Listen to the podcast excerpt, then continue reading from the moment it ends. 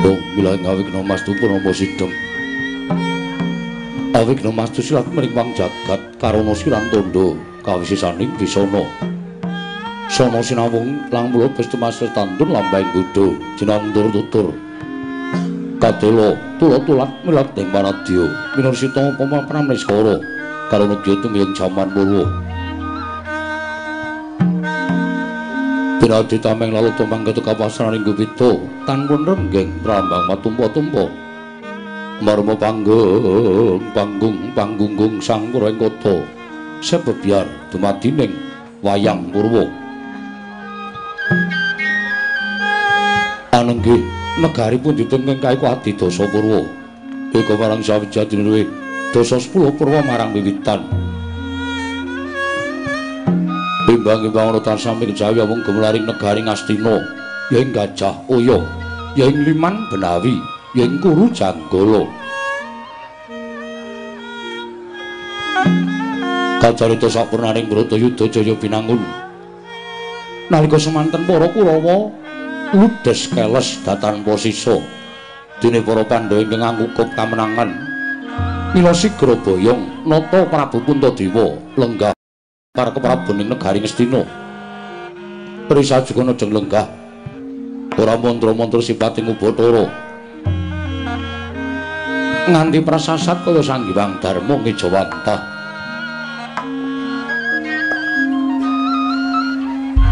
Ing jawander mlabar sangganing para naika samyang gantung pasisiran. Miwadatan kantun sangganing para nayaka, miwadatan kantun sangganing para anung-anung tungguling praja Ngastina. Ingkang kepareng aglah bergagah yayah prayitneng kewuh. Menika tawarnane kadang nata saturing Banjar Jungut Raden Harya Werkudara. Ya Sang Bratasena, ya Sang Wijasena, ya Sang Kusumayuda, ya Sang Kusuma Jumenenging Sang Werkudara jinajaran ingkang layi panengahing Pandhawa. Satring bono keling nenggih Raden Harjuna ya Raden Janaka. Ya Sang Kunti Debatsu ya Sang Mahabau ya Sang Kaliti ya Duda Kesa ya Bambang Margana Iwadatan kantun pragiling Pandhawa. Ingkang sampun madeg nalindra ing Mandaraka Sang Adipati Nakula miwah Sang Adipati Sadewa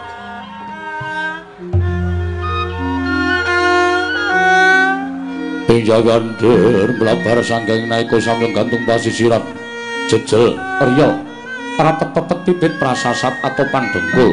Datan poso laben kadang mara sebo. Ing alun-alun hambuta gendera entek umbul-umbul kiki terhanggen danu yayah imondo ing mangsa labu. Ing megar menyut jawa barat mangsa rendeng. Tumbak ing rangapi jati ngarang mangsa ketiga. Hari saja sanata keparang lembalaken sanggya para kadang madaning Datraya negari Ngastina. Katingal rawuhipun nenggih nalindra ing Darawati, Sang Prabu Sri Bathara Kresna, ya Sang Resi Padmanaba.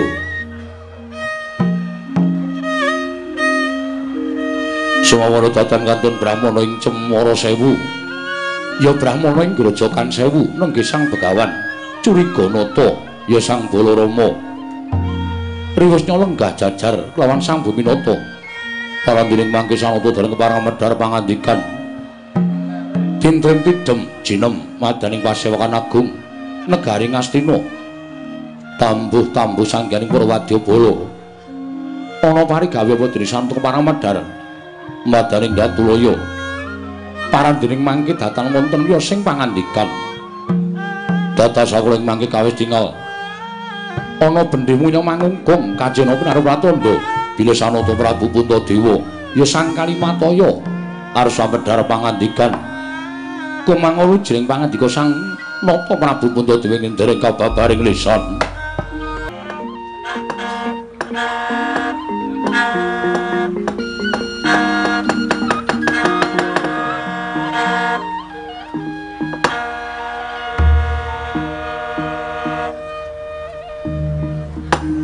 Nyuwang Agung Mugi ngayomana marang projeng Ngastina sak kukupanipun Koko Prabu. Koko Prabu Indrawati sawetawis rawuh paduka Kanjeng Koko Prabu. Ingkang rayi ngaturaken pasegan panakrami kunjuk sandhapada paduka Kanjeng Koko Prabu jimat sesemban kula. Koko Prabu Sri Bathara Kresna ing Dwaraka. Jagat wasisaning Bathara wayah Bathara jagat.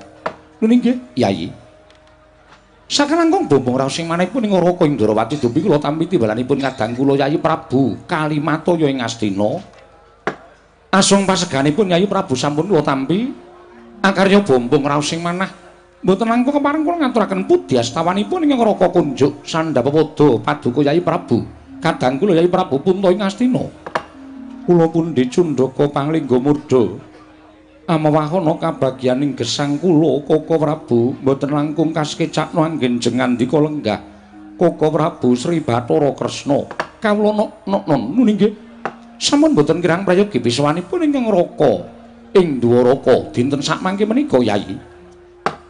Miwa Koko Prabu tuwin penemban Curiganata. Sawetawis rawujeng andika Kakang Penemban ingkang rayi ngaturaken karaharjan tedhak paduka wonten Praja Ngastina. Kakang Penemban Curiganata. Jagat wajisaning Bathara wayah Bathara jagat Padhe Indra Jaladewaku. Ii Yayi. tansah pinayunganing kawidadaning ing sambi kula sawanipun ing ngraka ing Cemara Sewu tansah pinayunganing kawidadan ing sambi kula sawan kula tebih saking Rubida namung kepareng ngraka ngaturaken pudhi astawanipun ing ngraka mugi kunjuk ngersa paduka Yayi Prabu Kadang kula ing Astina Koko Prabu kula pun dicundhaka panglingga murda amawahana kabagyaning gesang kula mboten langkung kaskecakno anggen jengandika lenggah Koko Prabu Koko Prabu Baladewa. Ih, kula pundi? Sarta sampun boten kirang sekeca anggen kula ngabiyantul ngarsa paduka Yayi Kalimataya. Wah. Kresna kakangku. Aku ngaturake basa aku katura. Kresna kakangku. Kadange mun Kakang Yayi Werkudara ya. Tak tampa siading abektaripun Kakang Uranwat pangestunipun Kakang Tampanana Yayi Banjar Jungut. ndagegem dadiake jimat curiganata kakanggo aku ngaturake basaku katura yo werkudara siadi ngaturke bekti kelawan pun kakang wis dak tampa raliwat pangestuning pun kakang tampanana ndagegem dadiake jimat. Prayogakno ngene padha lenggah. Werkudara yo kurang-kurang kepenak. Yo werkudara. Kaya wis prayoga prapanipun kakang ngono datul ya projeng astina koko prabu kula ngaturaken bekti kula kunjuk Koko Prabu kekalih. Koko Prabu Sri Bathara Kresna tuwin Koko Prabu Baladewa. Ya ya Arjuna ndak tampa pangestunipun Kakang Tampanana ya Janaka ndak tampa ora liwat pangestunipun Kakang Tampanana kula pun dinggo jimat paripih dayanana ing kasantosan mugi kaskecakno anggen jengandika lenggah Koko Prabu ya ya Arjuna kaya wis ora kepenak ya Janaka kaya wis ora kurang prayoga praptaning pun kakang ning praja Ngastina. Koko Prabu kula ngaturaken bekti kula kunjuk. Koko Prabu kula ngaturaken pangabekti kula kunjuk. Iya iya. Yai Adipati naku lan Sadewa wis ndak tampa pangestunipun Kakang Tampanana. Yo, nek kula Sadewa. Wis ndak tampa ora liwat pangestunipun Kakang Tampanana.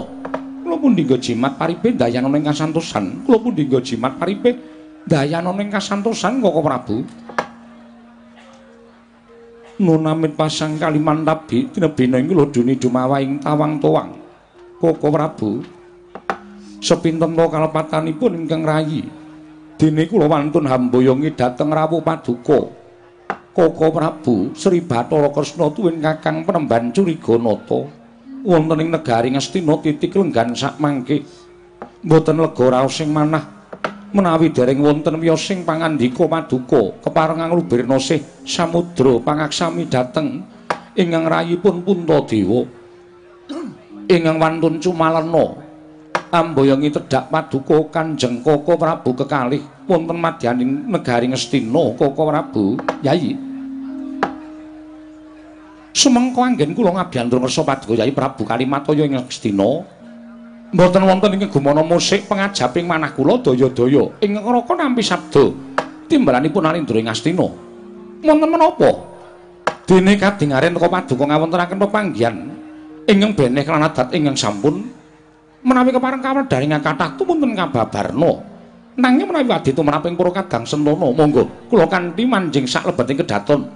Pepanggihan catur netra kalawan ingkang raka ing Dwarawati, Yai Prabu Kalimataya. Yai Prabu Punta. Tebe saking pertapaning grojokan sewu ingkang wigati namung mastuti dhateng sabda tama nalindring Ngastina. Mboten wonten ingkang gumana musik manahipun ingkang raka pun curiganata. Kejawi kula nampi sabdanipun kadang kula Prabu Kalimataya negari Ngastina mriki. Ingkang saking menika daya-daya kula cemadung dawuh. Ingkang ngraka ing Cemara Sewu nedya ngangrungaken jangga nilingaken karna mastuti sabda tama paduka Yai Prabu Kalimataya Ngastina. Yai Prabu Puntadewa. Andra ingkang puspita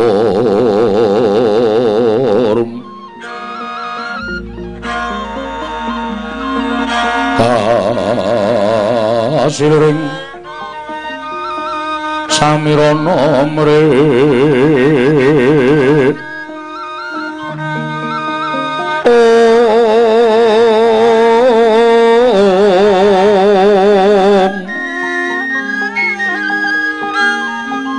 sekar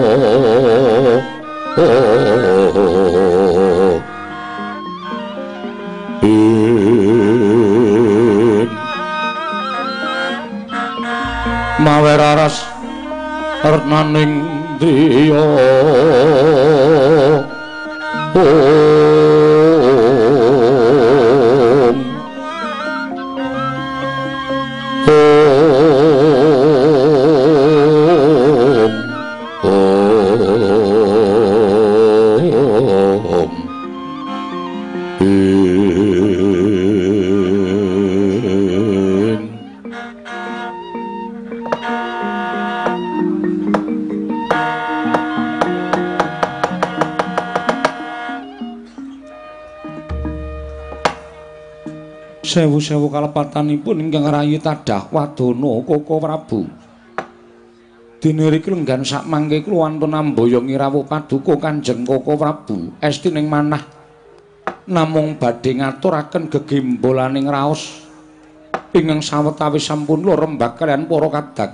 Koko Prabu sapurnaning Barata Yudha Jaya binangun Kurawa sampun ludhes keles datanpa sisa guguripun Kanjeng Koko Prabu Duryudana satemah negari Ngastina wangsul dhateng pangwaosipun Puntadewa sakadang.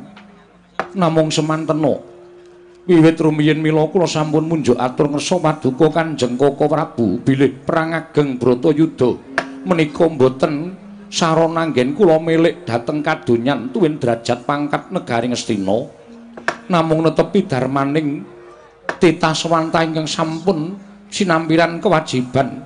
Inggih menika ambrasta angkara murka. Ingkang kanyatan kamurkanipun Kurawa sakadang kadyan menika boten saged sirna menawi boten sareng kalian ingkang sinandhangan nadyan kanthi kepeksa ingkang rayi ngawontenaken perang ageng Bratayuda berkah pangestu paduka Kanjeng Koko Prabu nadyan Pandhawa namung gangsal. Ewadene saged amang lurah satru murka. Inggih menika para Kurawa satemah tumpes tapis datan posisa. Negari ngestina wangsul dhateng pangwaosipun punta. Namung koko prabu gandeng kula menika sampun keladuk yuswa. Kula menika sampun boten milik dhateng derajat pangkat miwah kadonyan. Mila nadyan tembe sawetawis anggen kula ngraosaken kamukten negari ngestina dinten sak mangke koko prabu kula sampun sarembak kan para kadang bilih kula nedya lengser ke prabun kula ngedyani narkamukten menika kala wau duwe negaring Astina menika badhe kula paringaken dhateng putra wayah para Pandhawa Kaka Prabu Siang Pantara Ratri. Hamung cipta pukulun.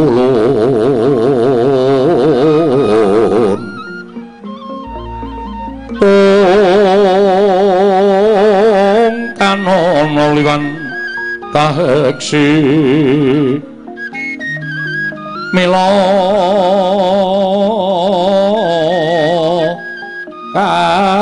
atur kang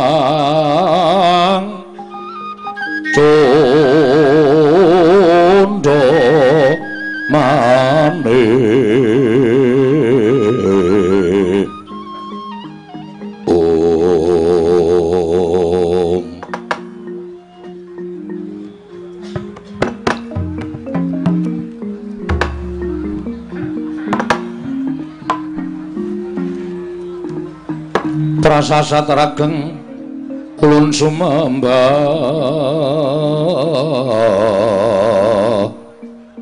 ing.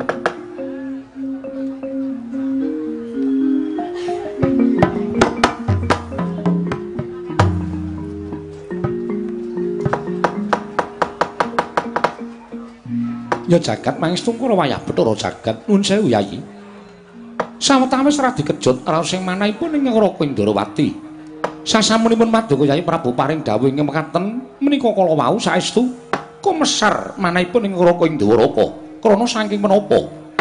Negari Ngastina ingkang dipunrebat sarana wutaing ludira pecating nyawa ewadene sakmangke dereng dangu kemawon anggen Maduka lenggah dampar keprabaning Ngastina.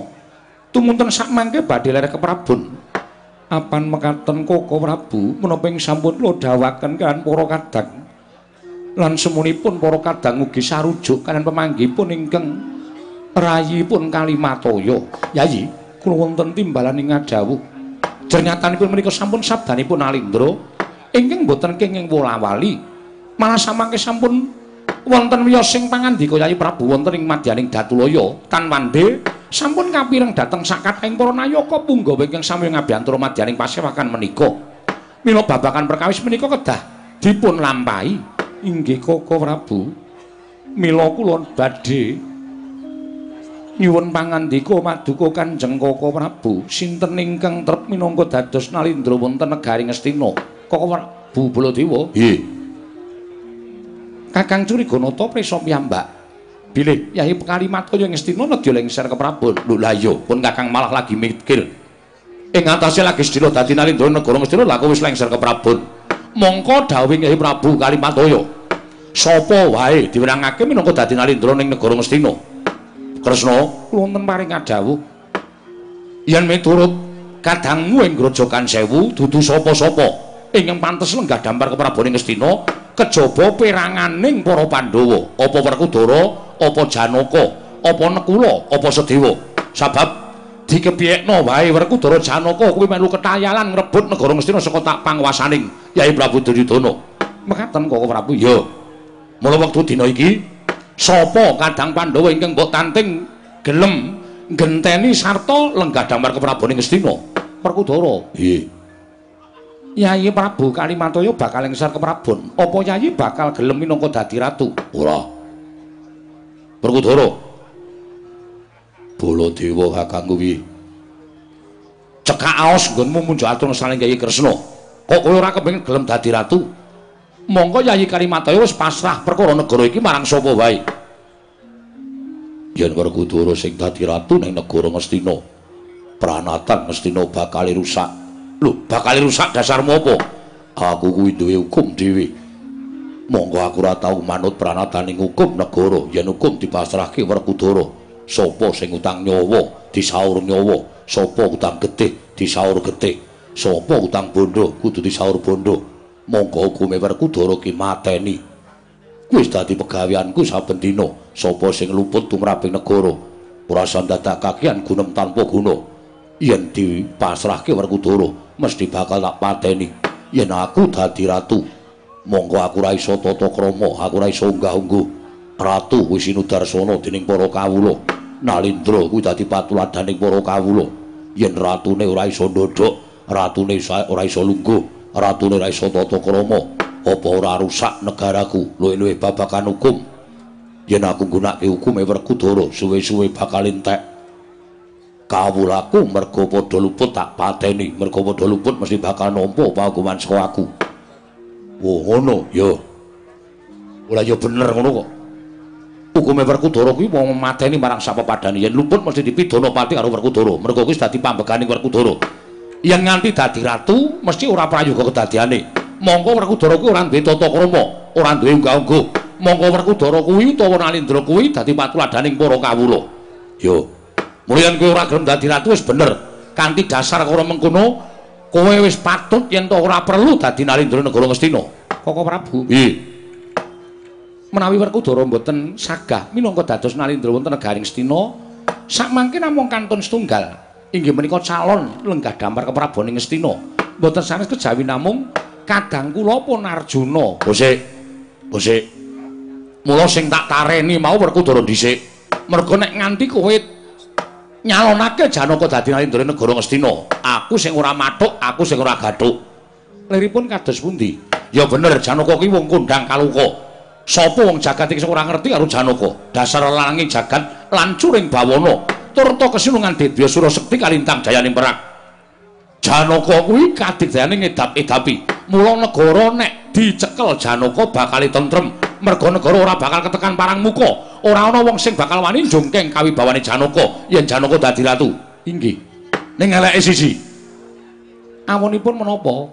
Prawane rusak kabeh.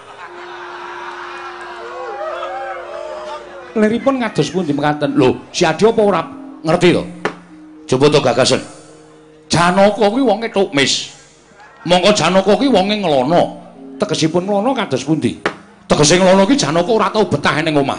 Seminggu ning omah telung sasi minggat. Sesasi ning omah setengah tahun minggat.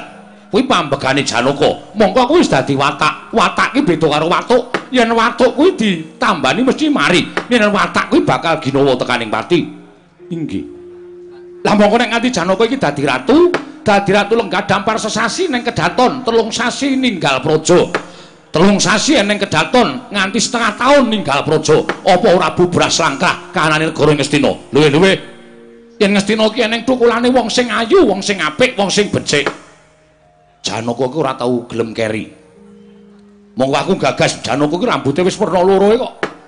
Anggrene wong wedok kok ngincenge Nggih, Koko Prabu. Ha kuwi. Dasar kanthi kaya mengkono aku ora cocok, aku ora mathuk, aku ora gathuk. Koko Prabu. Menawi mangke kula sampun dados nalindra, kula mboten kepengin rabi malih. Belkedes. Kaya ora ngerti pambegamu, hm? Kaya ora ngerti watakmu. Kowe matur kaya ngono ngarepe mun Kakang kuwi ming digo abang-abang lambe. Ning jane kreket, krekat lan karekatmu ora kaya ngono kuwi. Niatmu ora kaya ngono kuwi. Wis to, saiki tak hitungi, bojomu ki pira? Inggih. Kathah. Mongko wong dadi ratu kuwi entuk mengku garwa pira wae. Wis nek kowe dadi ratu mesti tambah. Inggih. Mongko anakmu ting klecek nang ndi-ndi. Inggih, Koko Prabu. Piye? Menawi kanthi dasar mekaten kula mboten dados nalindra kemawon mboten menapa-menapa. Tur dasaripun tasih kathah wayah Pandhawa ingkang sembodo tuwin tasih muda tasih saged ngulir budi tuwin ngasah kadiwasan lah iki malah aku gathuk tembunge janaka ketoke mung kaya ngono nanging tumrapun kakang ing grojogan sewu. Aku mathuk aku seneng karo tembunge janaka. Tegese napake kamulyane marang anak putu. Wis. Saiki kewajibane kresna.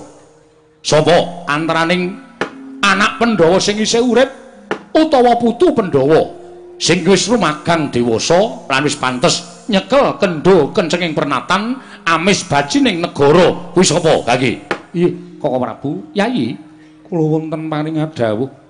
Sawetawis kula badhe cariyos dhateng resanipun paduka yai prabu inggih babakan menapa? Mongso kala ingkang sampun kula temtokaken nalika semanten kula menika sampun nampi sasmita. Sak guguripun anak kula ing Tanjung Anom pun Abimanyu nalika semanten kula nampi sasmitaning Jawata bilih. Ingkang nampi wahyu kanalindran menika Abimanyu namung kewawon Abimanyu mboten lono gesang wonten ing jagat kasambuting rana Madyalaga wonten madyaning perang barat ageng Bratayuda Jaya binangun. Wekasan Abimanyu gugur. Inggih. Tumunten Jawata merpeki dhateng kula. Jalaran manah kula kuwatos. Manah kula kuwatir.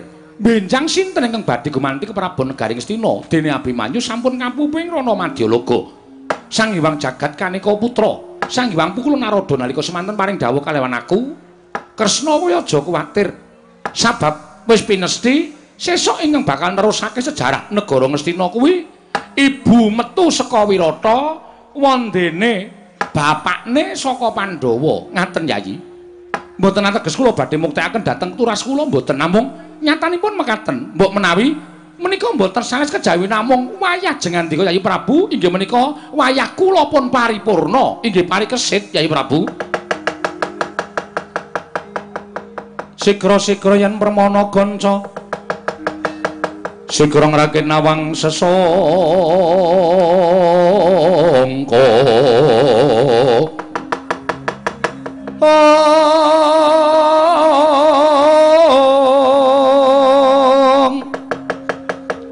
Nalin trembek marwa sing sang katri gumulung Katri gumulung mangrempak ing wadya. Ong ong Kurda kurara kagiri kiri. Ronanggono magawi gelar Ong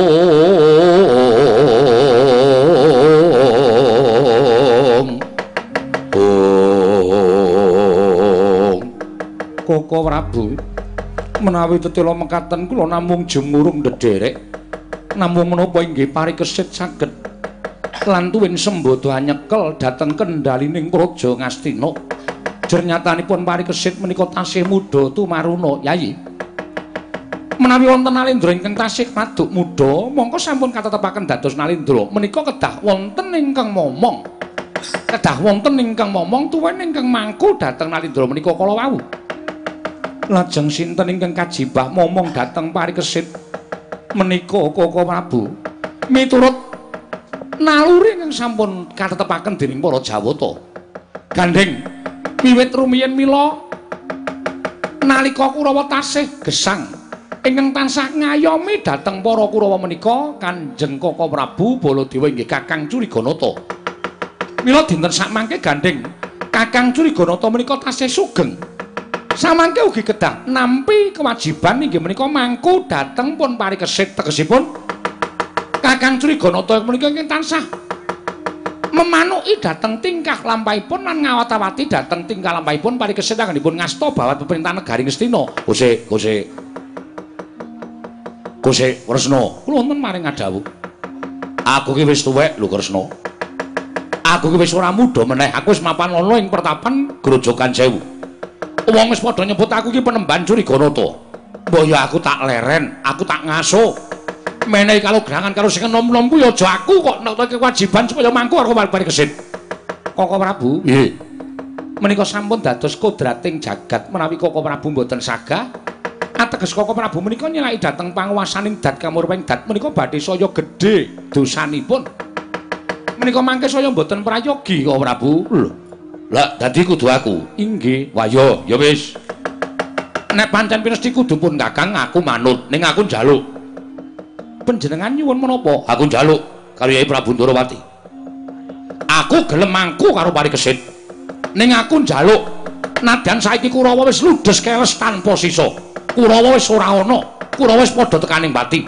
Ning turune Kurawa kengisih akeh ingkang bakal dadi telik Mangindrajala trubusaning satru. Marang parikesit putuku. Mula aku njaluk karo Kresna. Aku gelem mangku parikesit menangka dadi nalindra negara Ngastina. Ning aku njaluk turuning Kurawa lan turuning Pandhawa kudu rukun, kudu rukun.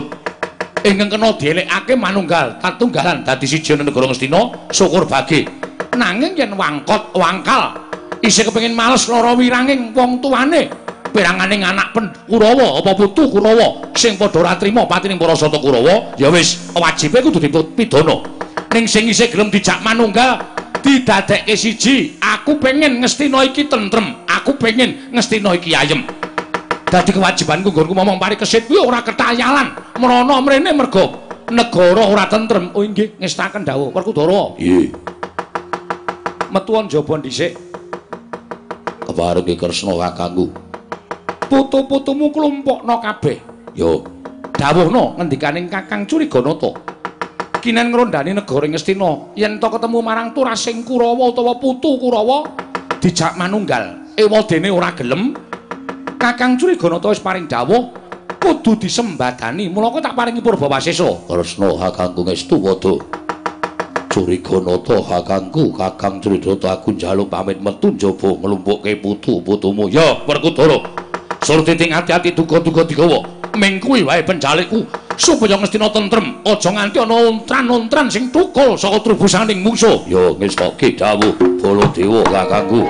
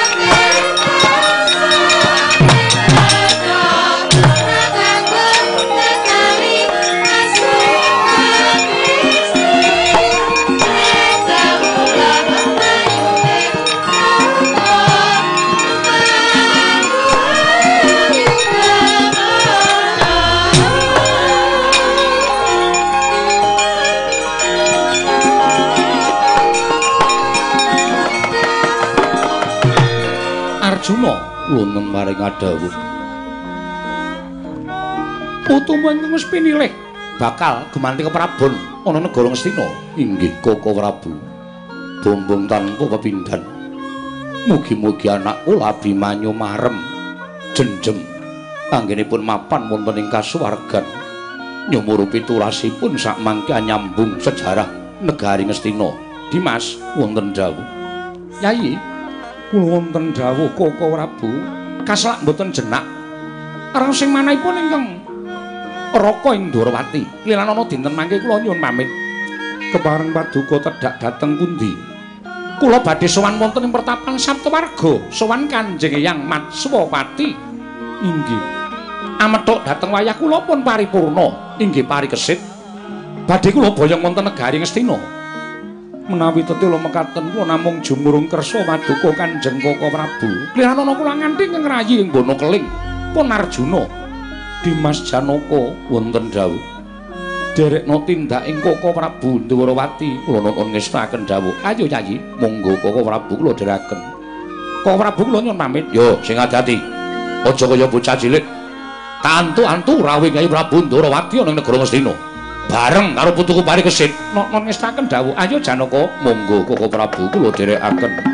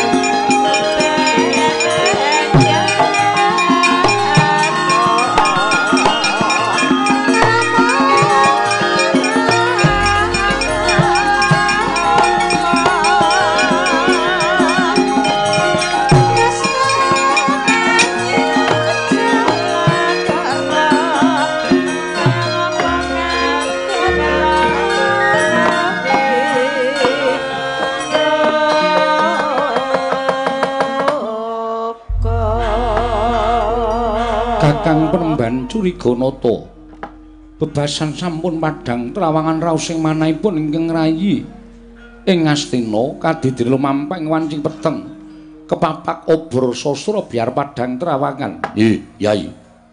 Inadyan mekaten raos kula tasih kejut Mana kula tasih kaget.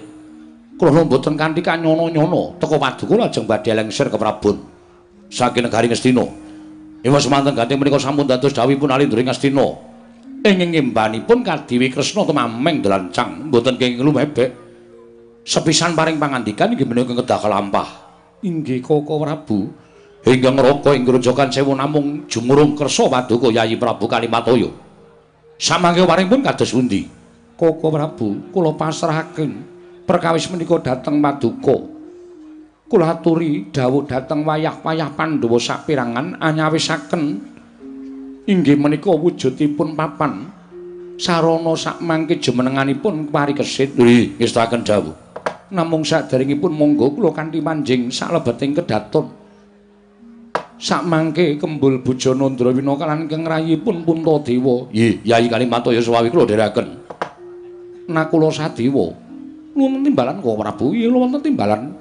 Budalna kang padha sibu ingsun kundur ngedaton kawula nun ngestaken dawuh. Kuwi nun ngestaken dawuh. Yen mamen madal paselan sing ati-ati aja kaya bocah cilik. Kaya wis ora ana dawuh maneh Yayi Adipati Nakula lan Adipati Sadewa. Purna gatining pananggilan. Sarana sasundur katon jeluk saking gampar kencana kinapit gamparan gading. Kadharaken sangganing para banjadi manggung ketanggung Joko Paloro. Ingkang sami ngampil upacaraning keprabon kawis tinggal saking Mandra tindak nyo. Sri Naranata lamun katinon saking Mandrawa kaya bunga biar candrane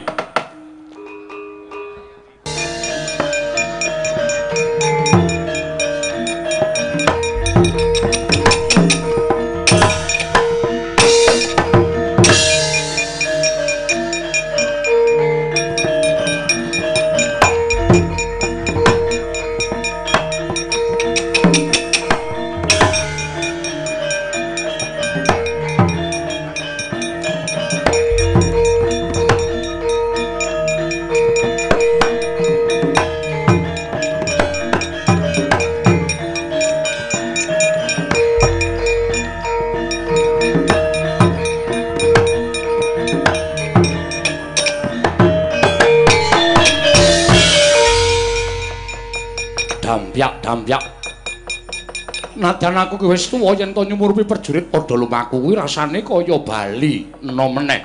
Werkudara. Wah.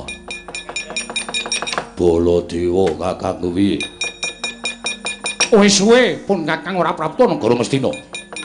Nganti pun Kakang ora weruh perang gedhe Bratayuda Jaya Binangun. Gajeke crita sing wis sumebar warata saindenging jagat yen to anak-anak Pandhawa tumpes kelor datan posisa. Yo pancen bener. Anakku ora eneng sing urip, anake Janaka ora eneng sing urip. Kabeh padha tekaning pati. Lah kok dadi iki aku ngadep. Iki aku ngarepake rasaku kaya isih padha urip ning alam padang. Iki sapa Werkudara? Aku wis ora kerbong, aku wis ora ngerti. Wah. Sing ngarepku ya anake Setyaki. Lho, anake Setyaki? Yo. Jenenge sapa? Jenenge Jaya Sanga. Jaya Sanga? Ya Raden Sanga Sanga. Lho lho, menangan. Iya. Raden Sanga Sanga? Yo. Sing angka loro kuwi sapa? Miturut pasuryane, wah corekane pasuryan kok ora beda. Bareng aku weruh karo bocah sing ning tengah kuwi, rasaku kaya weruh karo Gatotkaca. Kuwi anake Gatotkaca kuwi putuku. Lho, putumu? Ya. Sapa? Kuwi Sasi Kirana. Raden Sasi Kirana. Ya. Sing mburi kae? Kaya putuku. Anake sapa? Anak Antarja. Jenenge sapa? Raden Danurwenda. Lah terus kok sik? Anak Antasena eneng ora? Eneng. Endi? Iki bambung kaya bapakne. Gleleng kaya mbahne. Hus. Wah, ora nyono babar pisane Antasena ya anak-anak. Monggo wujude ya ora beda karo gerangane. Heeh, Mbah. Aku putumu, Mbah. Wah, jagat Dewa Bathara karo suarane wae kaya wis isih weruh Antasena urip ning alam padang. Biyo-biyo Werkudara. Apa? Iki adiling sing kuwasa nadyan atmajamu padha mati ana ing perang gedhe Bratayuda. Ning kowe iso nyawang anak-anakmu meneh sarana kowe nyawang putu-putumu ingkang jebles ora beda karo gerangane. Wah iya iya. Setyaki wonten dawuh. Kowe ya ngono. Nadyan kowe mbiyen Senopati Ndarawati sing saiki wis suda kekuwatanmu merga wis dipangan dening umpul kowe anak-anak ya awak-awakane tanpa beda kaya kowe. Wah kenceng ngarenceng kaya mengkono dasaripun anak kula songo-songo menika turun kula. Turun kowe tegese seneng jotosan. Wah. Ya syukur tegese ana sing nurunake karo sing gerang. Ih, matur sembah nuwun. Wo, kula ngaturaken sembah pangabekti kula kunjuk wo. Jaya Sanga ndak tampa ora liwat pangestuku tanpa nono. Nggih, kula pendika jimat paripik. Siwa Banjar Jumut kula ngaturaken bekti kula kunjuk. Wah, Jaya Sanga ya tak tampa. Pangestuku tanpa nono. Wo ingkang wayah. Utawi ingkang wayah pun sasi krana kula ngaturaken bekti kula kunjuk eyang. Sasi kirana. Inggih. Wah, edian padha ya mung kok gondrong. Ya wis ben. Tak kon potong angele jamak-jamak. Wah, wis ben. Menono bedane karo bapakne. Ya, tak tampa sasi kirana pangestune mbahmu tampanono. Lho wendi jimat. Eyang kula ngaturaken bekti kula kunjuk Eyang Banjar Jungut. Wah, sasi krana putuku tak tampa. Pangestune mbahmu tampanana. Kula pun dinggo jimat paripin dayan ing kasantosan. Eyang Curiganata kula ingkang wayah pun Danurwindo ngaturaken bekti kula kunjuk. Danurwindo tak tampa pangestune mbahmu tampanana. Nggih, kula pun dinggo jimat. Eyang Banjar Jungut ngaturaken bekti kula kunjuk. Ya, putuku cah bagus tak tampa. Pangestu tampanono nuri sangat anggen kula ndadosaken jimat paribih simbah grojokan sewu aku ngaturke bekti ya mbah. Wah iki kok ora iso basa? Wis tak kandhani anak antasena diru karo gerangane. Ya jenenge sapa? Aku putumu jayasena ngaturke bektiku katur. Ya tak tampa pangestune mbahmu tampanono tak gegem dadekake jimat. Mbah kakung bektiku katur ya mbah kakung Wah, Jaya Sena tak tampa pangestuku tampanana. Heeh, sanget banget tak pun didadekake jimat. Ana apa, Mbah kok ngawe karo putu-putu kabeh? Kepareng aku putumu Jaya Sena nyadong dawuh. Ih, pareng ingkang putra pun Jaya Sanga cumadung dawuh. Kula ingkang wayah pun sasi krana cumadung dawuh. Kula ingkang wayah pun Danurwindo cumadung dawuh. Jaya Sanga sasi krana Danurwindo Setyaki Jaya Sena. Kabeh putu-putuku kabeh ngerti yo? Dina samengko aku minangka dadi wakiling Sang Prabu Kalimataya ya yangmu ing Ngastina cetha paring dawuh kalawan yangmu ing Grojogan Sewu yen to samengko ora suwe meneh eyangmu Kalimataya bakal lereh ke Prabon. Tegese ninggal ke Prabon ora dadi nalendra negara Ngastina mula banjur mawon rembugan sapa ingkang menang lan gwanti ke Yai Prabu Kalimataya ora ana nalika jabamu. Ya kuwi kadangmu si Parikesit. Sebab ngendikane Yai Prabu Kresna, ngendikane adikku Kresna yen to nalika semana nampa sasmitaning dewa ingkang bisa nuras nurunake turasing negara Ngastina, ya kuwi ibu saka Wirata wondene bapak saka piranganing Pandhawa. Mongko sing ibu saka Wirata lan bapak para saka Pandhawa kuwi ming Abimanyu karo si Kanjeng Hyang Utari. Gandeng Abimanyu wis ora ana, Abimanyu wis mati ana ing Bratayuda Jaya Binangun. Mula banjur dewa paring dawuh kaya ingkang wis tak kandhakake mau. Ora ana iku jabung si parikesit, mula kowe tak jaluk kabeh padha nrimo. Kowe tak jaluk kabeh padha ikhlas. Merga iki pancen peparenging Jawata. Dri. Mula dipun dawuhaken wa kula namung kantun derek. Nggih, mula dipun dawuhaken Hyang kula namung kantun derek. Iya menawi dipun dawuhaken Kanjeng Hyang kula namung kantun derek. Aku mengkari manut pengendikaning Simbah-simbah Pandhawa. Sapa wae sing dadekke ratune negara Ngastina, Jayasena mengkari jumurung, Mbah, ora duwe niat kepiye-kepiye. Mula kang sangka kuwi kabeh padha tata-tata samapta ing gati sawiging diri. Bakal kepiakan ya kuwi jumenengane si paripurna ya si parikesit. Ya mung dina samengko ana panjaluk saka aku ing ndaturake marang Kyai Kresna. Gandeng mbahmu ing grojokan sewu ing bakal mangku kalawan parikesit. Mula dina samengko aku njaluk syarat srana supaya turas Kurawa lan turas Pandhawa padha rukun. Tegese yen ana turuning Kurawa ingkang rumangsa isih mangkel atine lan isih lara rasane merga wong tuane mati ning Bratayuda yen bakal darbeniat kang ora prayoga dielekke dielekke. Dijak manunggal. Ewondene ora kena dipringgake becik mangsa purba wasesa merga pengajapku ngestina tentrem ngestina ayem ana ing panguwasaning putuku Sipari Kesit. Prawi sampun paduka dawaken badhe kula candhingga jimatmu nggih wong Purwodo dawaduka Kanjeng Hyang.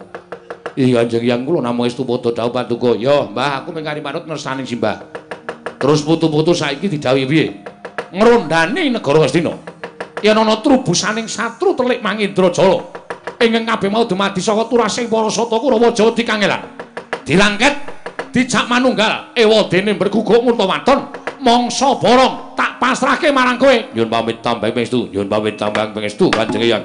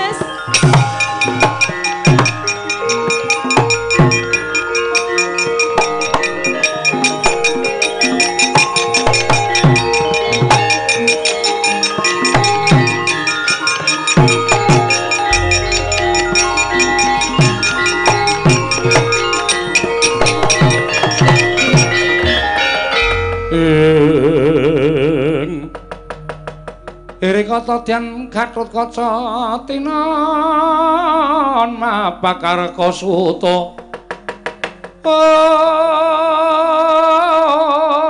Ong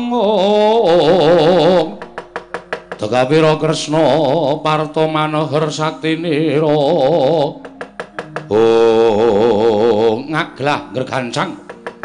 Nganti kaya tugu Sinokarta menika ta warnane? Putra ing pringgondani atmajaning sawarga Raden Gatotkaca kekasih Raden Sasi Kirana.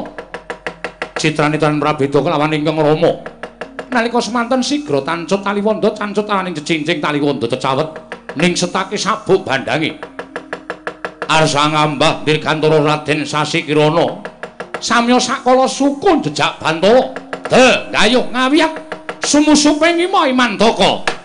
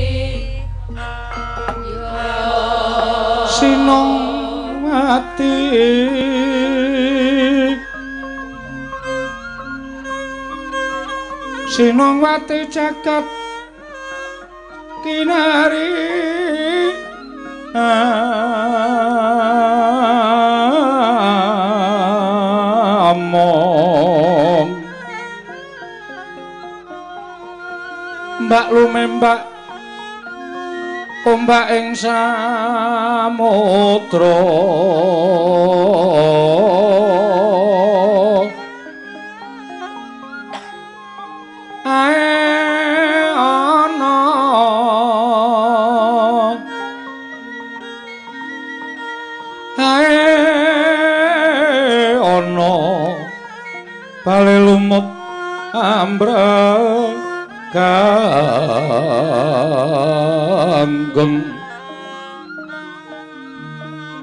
awita denceng dencengan oh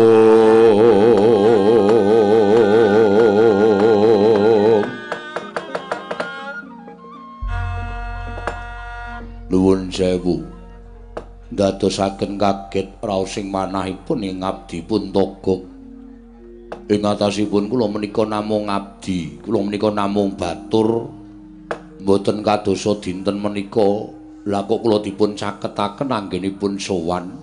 Togok wonten dawuh. Sinuwun prabu nimbali dhateng abdi pun togok ngerti yo? Yen to wektu dina iki tembang rawat rawat bineta mbok bakul sinambi wara pawarta binandunging karna. Yen to ngestina bakal ana jumenengan nalindra anyar lengsering sang prabu kalimataya. Bakal gumanti ke prabon ya kuwi ora ali kejaba mung ingkang bakal jumeneng ana negara ngestina tanana kejaba mung raden parikesit gok wonten dawuh. Ujaring para sepuh kang padha ngandhake yen to aku prabu sawarka ing traju trisna Iki isih turun Prabu Boma Narakasura. Tegese isih ana sambung getih antaraning panjenengan ingsun kelawan wong-wong Ngastina. Luwih-luwih Kanjeng Eyang Dwarawati ya kuwi Kanjeng Eyang Prabu Sri Bathara Kresna. Nggih. Lajeng Gok bareng tak pitung-pitung apa yen to aku nyengkuyung marang jumenengane si Parikesit. Sinambi nyaketake pas duluran nuntumke daging sing renggang balung sing pisah aja nganti dikiwakake traju tresna muga bisa direngkuh minangka kadang. Dening ya kuwi Yayi Prabu Parikesit ing bakal jumenata ning negara Ngastina. Lung. Eh? Lagi iki lho awak dhewe ditimbali biasane ditimbali ratu kuwi dijak mrono mateni sapa dijak mrono ngrangket sapa. Iki kok malah duwe Pak niat sing apik, niat sing becik. Ya wajibe awake dhewe bersyukur. Heeh. Mm Ora sang dadak matur werna-werna apa sing dadi dawuhing Sinuhun Prabu Sawarka kuwi terus diestokke. Terus panjenengan kersanipun lumpukno glondong pengareng-areng peni peni raja peni guru bakal guru dadi pirang peti pirang gerubak aku ora bakal wol kesugihan negara ing Traju Trisna iki tumpuk undung. Kula kang sangka kuwi aja dikangelan, Gok. Mas Picis Raja Prana wulu wetu sing saka negara Traju Trisna mengko bakal ndaturake marang Yayi Prabu Karikesit kinarya srana tandha tresnaning Prabu Sawarka marang Nalindra ing Astina Yayi Prabu Karikesit, Gok. Ing Rekat lampahing rata tanpa ndara prapteng sukuning arga ram kang tumingal oh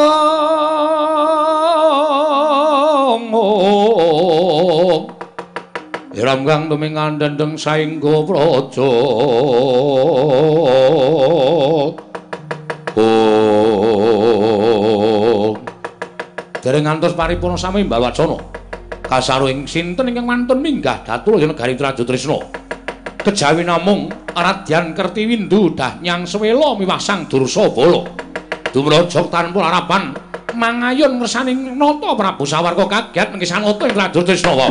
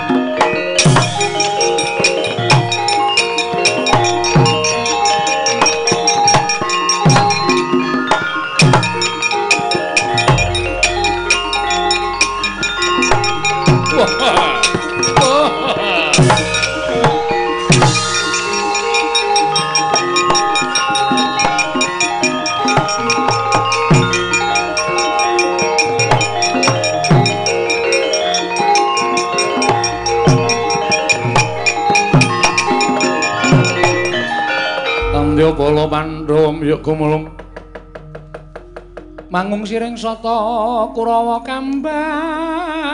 Ungke surukadite ong ong merut layut sagung proratu.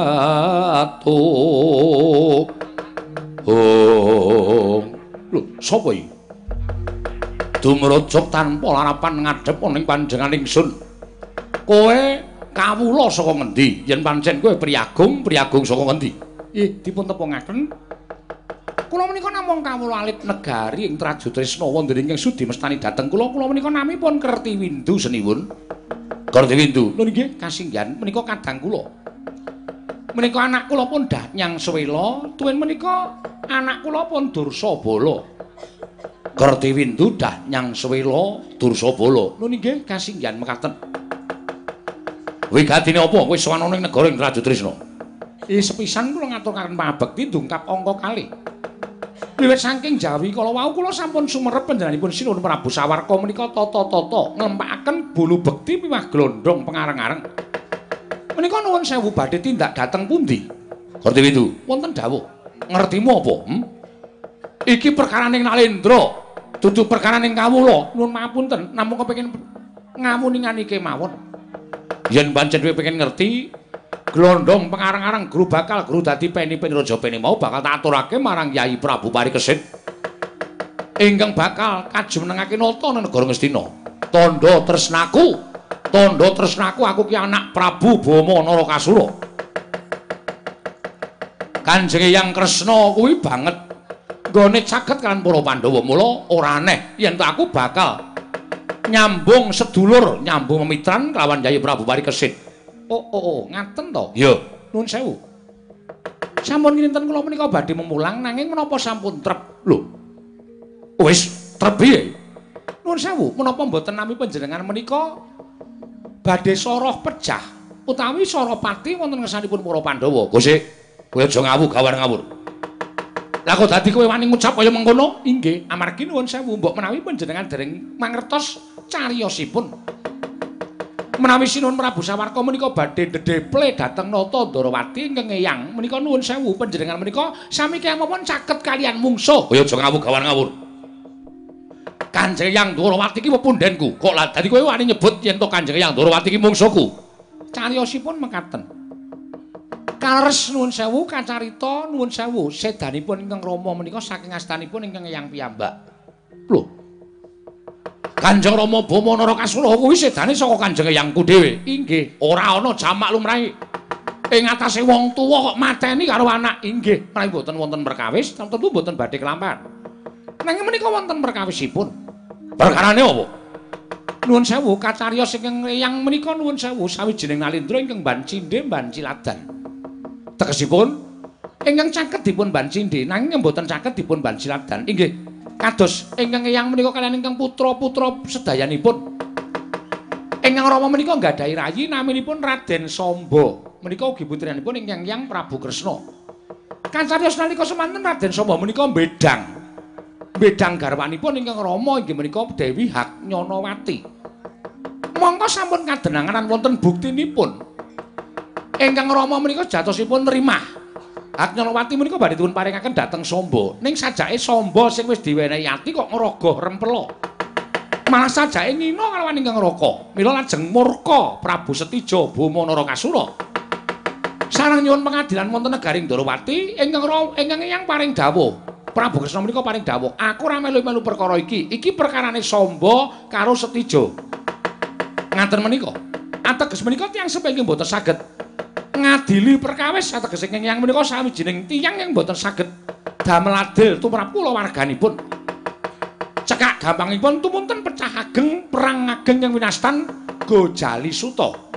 Inggih menika perangipun bapa kalian anak. Mila wonten ing mriku Enjang Rama tumunten seda krana saking pokal gawinipun ingkang yang piyambak. Mila menawi sinuwun Prabu Sawarka menika badhe njunjung dhateng parikesit anggenipun dados nalindra wonten garing Stina. Oh, nuwun sewu, menika lepat, menika lepat. Ing mestinipun panjenengan sowan dhateng garing Stina menika dados nuwun sewu. Dados parang muka ingkang sejatosipun sak mangke saged adamel gagar wigaripun parikesit anggenipun dados nalindra. Angka kalih ngudi tuwa males lara wirang sedanipun ingkang Rama. Panjenengan pinutraken ingkang Rama lah kok malah dedekku. Panjenengan malah nyembah wonten kersanipun ingkang yang mongko sing mateni wong tuwa panjenengan menika Prabu Kresna menika sinebut iblis lanat kukal. Mati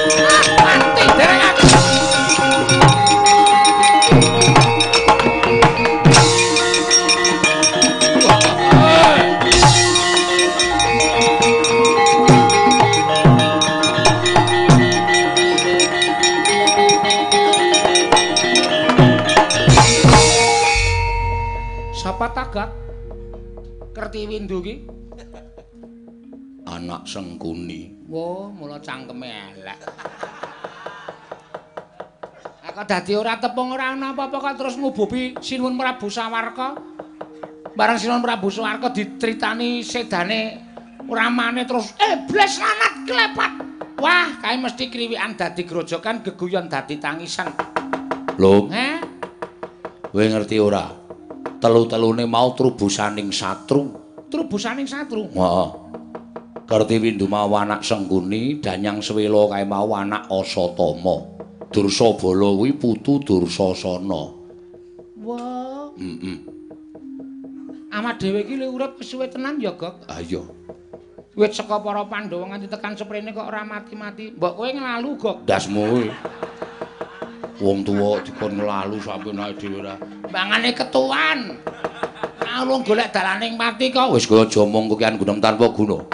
Sinuwun Prabu Sawarka diemutke, dielingke, engko ndak kriwikan dadi grojokan. Gusti, kula aturi kandel, Gusti.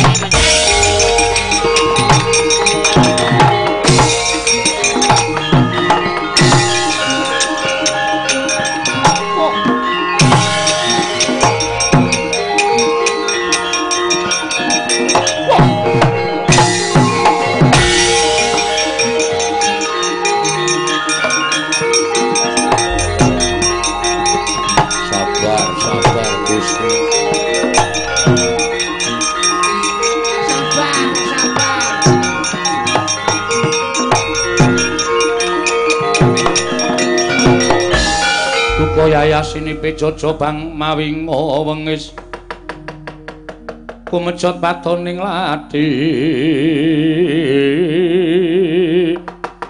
seluruh kang mawon naka Oh, sabar, sabar.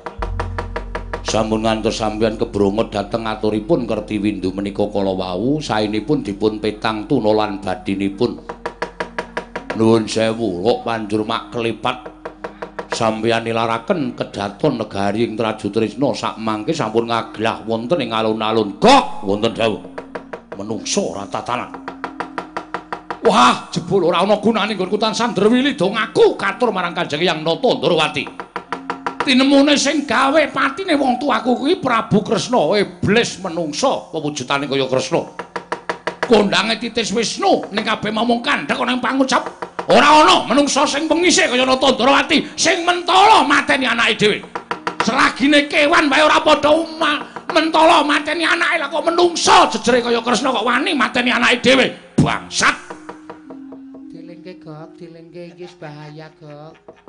Nesune wis kaya ngono. Nuwun sewu. Sabar, sareh. Wong sabar wor sareh niku pekoleh. Sampeyan nek nganti kepangan omongane Kertiwindu niki mangke nuwun sewu ana tetembungan keriwikan dadi grojokan geguyon dadi tangisan. Napa sing dikendikake Kertiwindu niku pancen bener. Critane kaya ngoten ning nuwun sewu kula nyebutke kurang bener. Kurang bener piye? Sabar. Kurang bener piye? Utak ajar lho, iku lagi nentremke wong. Lah kowe iki ngene ora iso cerita. Kurang bener to, Gok, ora iso cerita. Pecah dasmu kowe. Tak cerita, aku ngerti ceritane. Ceritane piye? Leres ingkang Rama menika pancen dipun sedani Prabu Kresna ning nuwun sewu. Ing nggenipun nyedani menika mboten kanthi kasangaja lan ingkang Rama menika ugi nggadahi kelepatan tumraping Prabu Kresna. Lho, aja ngawur-ngawur. Yen nganti kowe gawe crita sing kaya wara aja takon dosa, ora katutke dosane tak keprok watu muter. Keprok sakniki mawon. Lho. Sik to. Raden Samba ngewat garwanipun Prabu Stija niku jane wis matur kali Prabu Kresna. Prabu Kresna niku wis prisa. Samba, perkara iki aja ngembet marang kanalindraning sun. Perkara iki lakonana dhewe. Perkara iki lakonana. Ngoten. Yen kowe wani gawe perkara ya kudu wani ngrampungi perkarane. Ngoten. Tur ingkang Rama niku piyai sabar. Keng Rayi niku dirangkul diarasi Samba. Nek kowe pancen tresna karo Mbak Yumu tak rabekke cah bagus tak rabekke ora duwe niat Kang Rama menika nesu niku mboten. Mergo saking tresnane karo adine lanang. Mboten. Ning nuwun sewu, lelakon iki enten sing dompleng utawa enten sing nyusupi. Carane saiki provokator. Heeh. Sing nyusupi mboten sane kejawi namung dewaning panggodha pangrencana. Nggih menika Betari Durga. Nalika Prabu Setija ngaras-aras pasuryaning Raden Samba, Durga mlebu teng awake Kang Rama. Sing maune sabar dadi wengis, sing maune ikhlas dadi galak. Murup netraning Prabu Setija. Samba sing maune diarasi diambungi candhak. Sirahe dikluthek. Terus langsung tekaning pati niku mawon dereng trima. Nyawang mripate samba iki mripat sing tok nggo nyawang Mbak Yumu tak cuplek matamu. Cangkem sing tok nggo ngambungi Mbak Yumu suwek cangkemmu. Srandunge awak dirajang-rajang ngoten biyen Kang Rama kagungan andan naminipun Adipati Ayah Griwa Adipati Ayagriwa menika nyaketi Prabu Sedya niku nganti nangis sinuwun. Lah kok panjenengan kados mekaten? Kok panjenengan mentolo ngrajang-rajang ingkang rayi piyambak? Wektu niku Betari Durga pun nuncat. Merga wis kelakon gawe srana dak-dakaning pasulayan antawisipun Darawati lan pundi? Traju Tresna. Aku tumindak apa Ayagriwa? kula aturi noleh sinuwun kula aturi nyawang. Prabu Setija nyawang. Sinten? Samba niku njelih kepati nangis mboten kanten-kantenan. Kok kelakone kok kaya ngono? Terus Prabu Setija niku pasrah bongkokan kali Kang Rama. Ning sadurunge ketemu Kang Rama dipethuke Raden Janaka. Kali Raden Janaka perang Raden Janaka dibandem tumbak suwek kampuhe nganti Raden Janaka lunga saka negara Ngamarta madheg pendhita Begawan Ciptaning. Niku Kresna niku mboten pripun-pripun ning Setija diunekke. Setija nek kowe mateni Samba ora apa-apa, merga Samba salah, Samba luput, aku ikhlas. Sing marai aku nesu kowe wani karo Janaka. Kowe ngerti Janaka kuwi sapa? Yen upama pun Rama kuwi kembang Janaka sarine pun Rama kuwi geni Janaka uripe. Wisnu iki dibelah dadi loro. Ingkang separo manggon ning Natandrawati sing separo manggon ning Raden Janaka. Nek kowe rani karo Janaka padha karo wani karo pun Rama. Kang Rama niku wedi nitih Garuda Wilmuna munggah kekablak ing antariksa. Kang Eyang menika mboten niat mateni ming cukup ngasta senjata cakra senjata cakra tengah stane ingkang eyang mubeng. Naika semanten kesoroting sanggewang pratanggapati saka landhepe senjata cakra nganti gawe bingung paningale Prabu Setija. Kena soroting senjata cakra abure manuk wilmuna kleyang-kleyang ora weruh dalan natap senjata cakra dadi lan patine. Ngoten?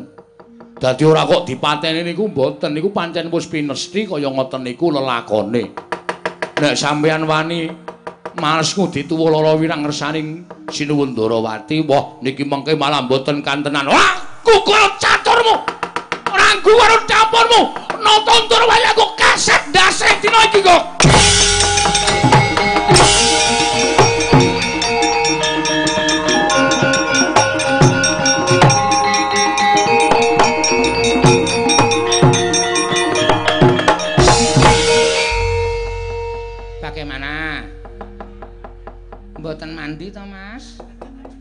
Wong ki nek wis kebrongot atine ngono kae, Gok. Wis ora usah dadak dielekke, engko sik ngelekke kahanan. Ngono ya, Lho. Heeh. Dielekke menungsa pirang-pirang ora digugu, mengko sing ngelekke kahanan. Percaya aku nek ke kepengkok karo kahanan lagi eling, lagi emut Purwoduksina. Apike tutke, tutke rasa piye-piye? Tutke ya. Heeh. Tutke rasa dadak adu-adu saka Sinun Prabu Sawarka. Mbah piye engko polahe awake dhewe kari ngetutke. Ya.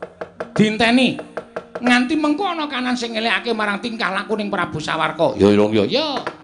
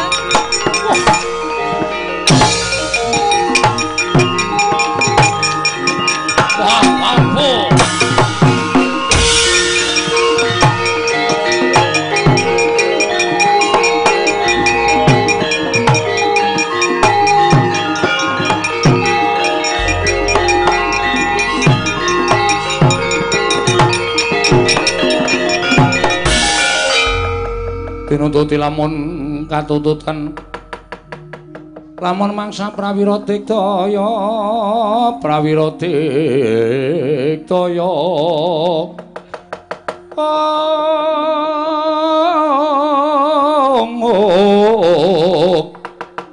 Ora ngono magawe gelarira wang wang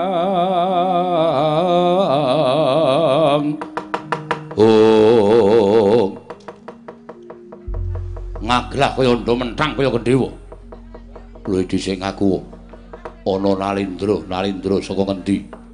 Lan sapa jejulukmu takon karo aku? Muri saka negara ing Trajutresna putraning Sinuwun Prabu Kanjeng Rama Prabu Stijo Boma Narakasura Aku Prabu Sawarka Prabu Sawarka ya balik.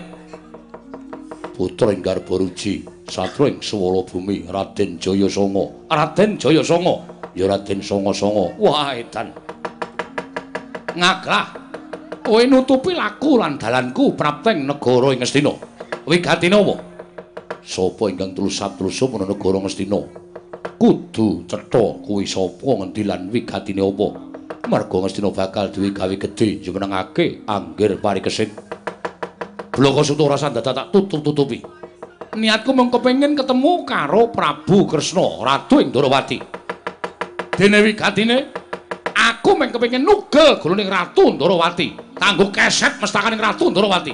Sing wis wani nyedani lawan wong tuaku Prabu Boma Narakasura. Ing. Jaja muntaplir kertab duka yayasinipi Netra kocak ngundarandir Oh. Menteleng mripatmu ngrasani Kanjeng Wa Prabu Ndrawati ngerti yo? Iki putra Senopati Ndrawati kowe kena ketemu karo Kanjeng Wa Prabu Sri Bathara Kresna lamun iso mutung bebau kiwa tengening Raden Jayasanga. Piye? Bisa mutung bau kiwa tengening Raden Jayasanga. He Jayasanga! Mau ngasai kaprawiran? Ora minggat saka arepan tebak diadamu kelakon luntak ludra kene marganing patimu sing ngolina prapteng laris Prabu Sawarga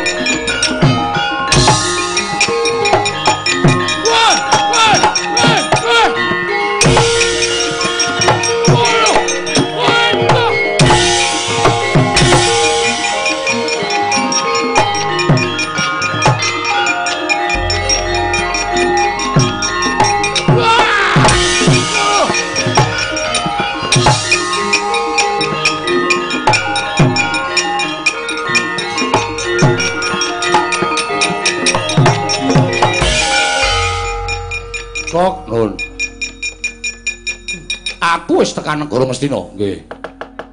Sing methoke aku wonge werna-werna kok. Mboten perkara werna-werna, ning nika pancen satriya-satriya negara Ngastina. Kowe weruh. Mboten ketang capet-capet saking katebian kula ngerti. Sing ketemu karo aku mau jarine jenenge Jaya Sanga. Anak Sencaki. Anak Sencaki. Nggih. Jaya Sanga niku umur 12 taun wis melu Bratayuda. Umur 12 taun wis melu perang. Empun, menawa didikane pancen ya medeni. Anak Sencaki. Ana sing melu ngantem karo aku. Raden Danurwindo. Danurwindo wis. Danurwindo niku anake Raden Antarja. Niku putune Raden Werkudara. Terus aku dicandhak karo Danurwindo ditendang karo wong. Mlakune unah-unuh. Sapa lu? Sapa? Santosa. Udu. Udu. Wange kaya pripun? Unah-unuh. Nguyah-nguyuh. Ora. Nek unah-unuh nguyah-nguyuh niku Santosa. Merga wis rusak onderdile. Nganu, niku anak Antasena jenenge Jayasena. Niku ya putu Werkudara. Terus aku ana sing dicandhak sirahku. Dicandhak go munggah mumbul dhuwur banget duncalke saka dhuwur go. Wah, upama tiba ning Padasuri mesti tekaning pati. Sopo? Anak Gatutkaca. Sopo? Sasi Kirana. Werkudara niku bejo kok. Kelangan anak telu ning putune thukulane ya gleleng kabeh. Sasi Kirana niku ya padha karo Gatutkaca, iso nylenthik tanpa sutang, mabur tanpa lar. Niku sing dinceng ya ndas. Ndase sopo? Ndasmu Biasane moto ya, Lung. ayo ganti. Masa kon matamu terus? Lah iya. Niku biasane ngoten niku. Antara Dantur Wenda niku ya ora beda karo Ndara Antarja. Niku ya nyembur wong ya buyut dewaning ula. Iya. Nggih. Wah, jebul wong wong Amarta pirang-pirang utawa wong Ngastina kuwi pirang-pirang satriyane, satriyane pirang-pirang. Mula nek sampeyan iki wau ndaratur kula wangsul pun malah mboten pripun-pripun. Ning gandeng sampeyan niku ngeyel.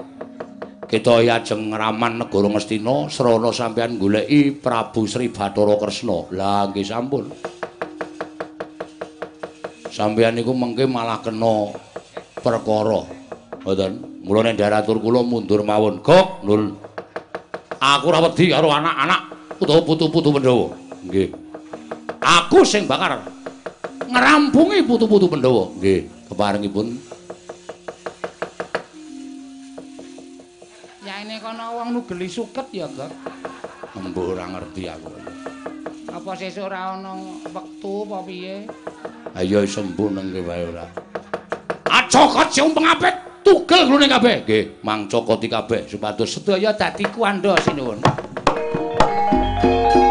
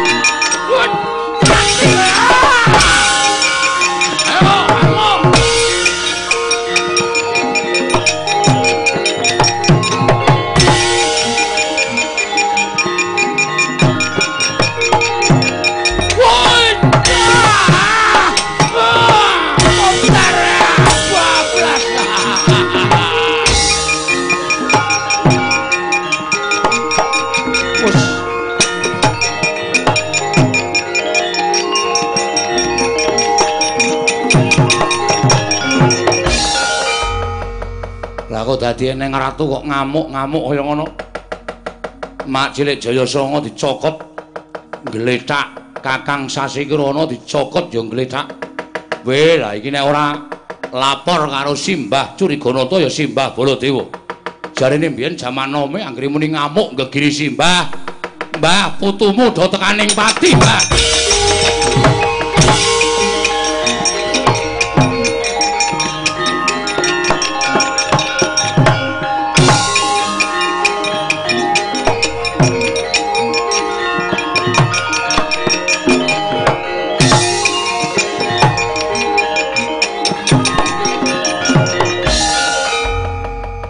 Jaya Sena. Heeh, Mbak. Eneng apa? Bledok mampak-mampak lebur kasaputing angin. Apa ana kerae banteng karo mansan? Ora. Lah eneng apa? Kae, Mbah, tontonen. Putu-putumu perang. Putumu do perang karo Prabu Sawarka. Lho, Prabu Sawarka? Oh, ngakune kabar sing tak tampa isih putune Simbah Ndorowati, anake ya kuwi Prabu Bama Narakasura. Lho, lah kuwi padha karo putuku dhewe. Lah iya. Ning jarene arep ketemu karo Simbah Ndorowati, ngudi tuwuh males lara wirang karo sedane wong tuane sing dikandhake sing nyedani Simbah Ndorowati. Terus dilekke karo putu-putu Pandhawa. Nalika semono kalah mundur ning bareng dheweke nggunakake daya kemanden. Kabeh putu-putu dicokot padha ngletak mbah. Wah, iblis tangan karepe dhewe. Kira-kira ora ana sing nandingi karo si Sawarka. Ora ana, jare Simbah biyen dek enom nek ngamuk medeni. Ya Mbah, saiki mumpung tuwa ngamuk oh. Aku tak weruh dibuktekke putumu ya pengen ngerti. Kowe men weruh mbahmu ngamuk, pengen. Sawangan to, Tos. Aku mbiyen wis muni nesu ora ana sing wani karo aku Jayasena. Hei, Sawarka, kena delekke apa ora kowe bangsat?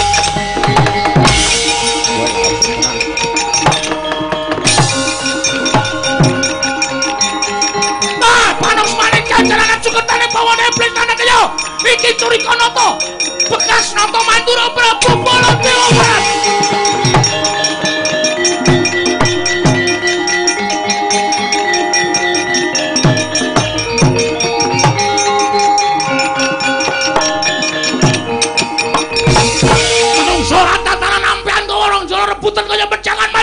Ayo, apa dikira Baladewa wis ora ana? Arep wis dadi pendhita kaya ngene nek nesu isih yo njejeki raimu ora bakal kalane. Woi, wong nang kene to. Wis ket mau nang kene. Wah, edan aku wis rada lamur wong. Ora apa-apa wis ora ketok. Kowe Suwarko? Iya, iya, dasar Purnyata. Eh, Nger, nang Cabagus. Kowe iki putuku. Kowe ngene ora? Aku Begawan Curiganata, biyen Nalindra Mandura Prabu Baladewa. Aku ki put mbahmu dhewe. Kowe iki putune Kyai Prabu Kresna padha karo aku ki mbahmu. Nek kowe arep sungkem karo wong tuamu, mung karo mbahmu ayo tak derekke. Ayo tak tutke. Nek kowe arep ngrusak jajak dosa ngombe ya kanca, kowe arep ngudi tuwa malas lara wirang karo matine bapakmu, bapakmu wis pantes modar mergo wong ora duwe tata krama. Ya kuwi sing tak karepake. Kuwi sing aku ora trima. Ing atase eyangku kok mentolo karo anake dhewe. Kuwi kabeh ning perkarane. Kuwi kabeh ning perkarane. Kabeh mas dipetung tunulan badine dening Yai Prabu Kresna ya mbahmu. Hm? Mulai saiki manunggal nang negara Wistina. Aku ora bakal manunggal. Lho, kowe wangkal. Aku ora perkara wangkal. Gelem manunggal ya nugel gulune Nata Ndrawati Eyang Kresna. Piye? Muni piye kowe? Muni piye? Gelem manunggal yen terus nugel janggane Nata Ndrawati. Iblis lanat bangsat netangi kamurkaning Curikanata. Diapormu kaya ngono arep aku wis tuwek kaya ngene iki. Dugang raimu ora pecah dadi raja tutang Baladewa barat kowe. Rada ngarep kene. Asem cupet to. Wis tuwek kok gleleng. Tuwek ndasmu kuwi. Tuwek nang ngrajang-rajang dapurmu. Ora gantara dino ngrajang dapur. Ayo, iwa. Wah!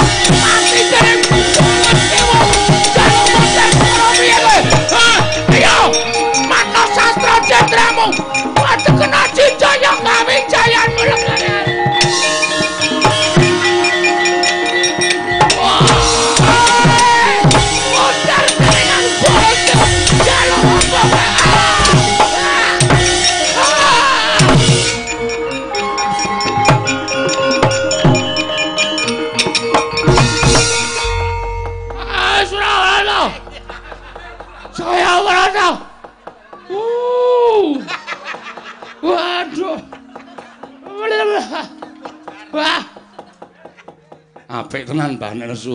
Dengkulmu melosot. Wah, ayo wis sepuh kok ya, senengane sok aneh-aneh. Aku nek ora takon ra gelaken nesu. Aku wis pendhita aja sing. Aku wis dadi bener grojokan sewu. Aku iku dhewe wis duwe lawan sabar. Ora kena nesu nek mergo aku mung kepengin nuruti supaya ditonton karo putu-putuku ta. Wes. Nek ora kuat omong rasa omong. Ora kuat omong nganti dipeksa ngasuse. Hmm. Aduh. Aduh. Jono, piye? Edang. Heh, edang. Dalu edang. Hmm. Mensen. Hus. Awas ra tau. Uh. Hmm. Ngopo? Simbah Curiganata nglekar, Pak, manu Mbah. Ngopo nglekar? Perang kurang gawean. Gerangan yo perang barang. Rambute wis putih nek mlaku dadak nganggo teken. Perang barang. Ah, eh mergo putumu. Putuku ngopo? Oh, jaya sinong aja jaya aku. Mbah, jare kowe mbiyen nek perang apik. Kowe mbiyen nek nesu apik. Mbok putumu dicontoni nek nesu piye, Mbah? Aduh. Wah. Aleman. Oh, werku dora tak ajar kowe. Werku dora tak tato ya terus kowe. Simbah iku ya malah wetenge dipejet ra iso ambekan. Wah. Aduh. Aduh, aduh, aduh. Tangi, Mbah, nek wis ngaso napase tangi. Hmm. Mbah. Aduh. Uh. Eh, tangi. Ya. Tangeke. Iya iya aku wis ngerti nek tuwa ki nek ora ditangekke ra tangi. Ra tangekke, Jogowatir. Ah. Aduh. Wah. Uh. Awake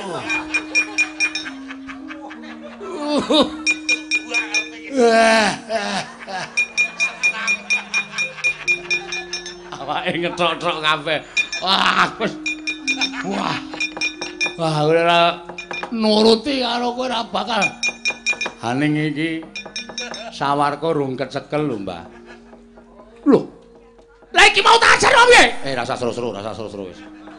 Sak madya wae. Iki mau wonge tak ajar. Haning urung tok rangket sampean kebacut kentekan napas. Kono isih melayu. Lho. Wah. Jayasena, apa? Sing dicoba ora ming aku. Terus mbahmu kae ngopo kae? Gloyar-gloyor ngono kae ngopo kae?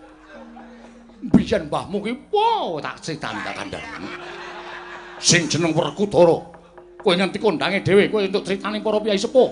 Werkudara, mbahmu kuwi nek sapa sing wani karo Werkudara? Ora eneng. Bratayuda ki persasat tangane kuwi wis getih tak kandhani. Saben gawa gada rujak pala diglundhungke ning pabaratan. 3000 berjerit-jerit mati kegiles gada rujak pala. Lho, iki tenan ra cak-cak-cak. Aku ki gumun kok. Lah, nek kowe gumun cobanen. Cobanen men pro. Mbahmu banjar jumut kali perang piye? Nek ora gelem, nek ora gelem aja gelem diaku putu. Oh iya. Tak bedane, Pak. nek nganti ora gelem engko aku moh dadi putune aku ngojo-ojoi Kakang Sasi Surna Kakang Gandruda ah kono kono aja-aja ana mbahmu ya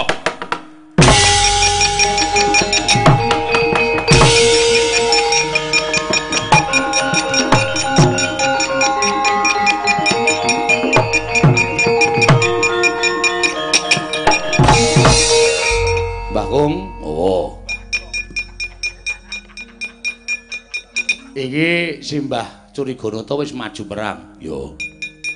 ning Prabu Sawarka rung kecekel. Mergo mau arep dicekel Simbah Curiganata wis kebacut kentekan napas. Terus Jare Simbah Kakung ki biyen nek perang top. Sing kandha sapa? Sing sing kandha wong akeh. Ya pusi.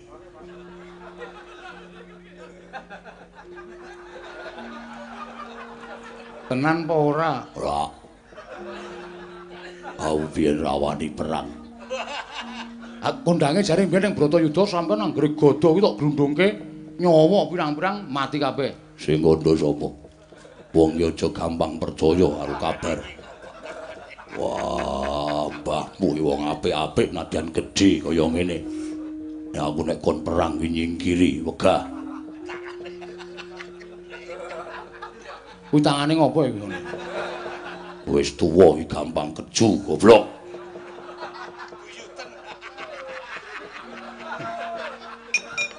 Oh, mulane nek njaluk rokok saiki kok tangane kok ngene. Ya wis tuwa, wis buyuten. Mbah, mbok putune dicontoni. Mbok putune dicontoni. Ora. Kuwi dadi kewajibanmu sing enom-enom sawarga ecekelen. Wong tuwa mingkari nyawang. Ya sekali-sekali putune iki dicontoni perang ki ngene iki. Nek sampe ra gelem perang, aku gak dadi putumu. Ora ndi putu ora apa. Waduh. Piye iki?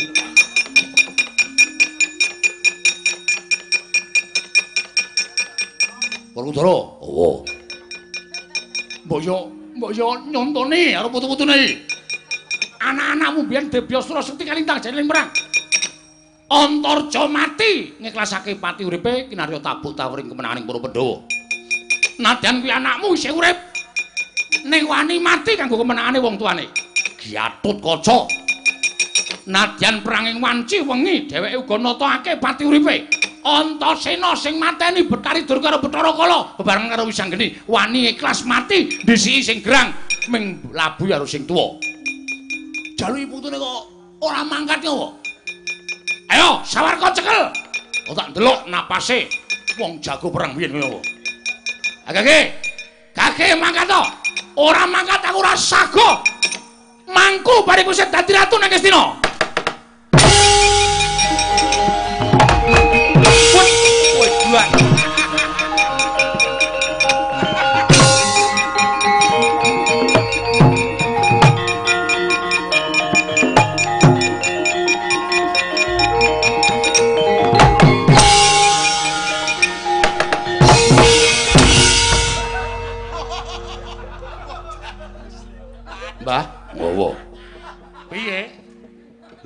Tiba ora bener.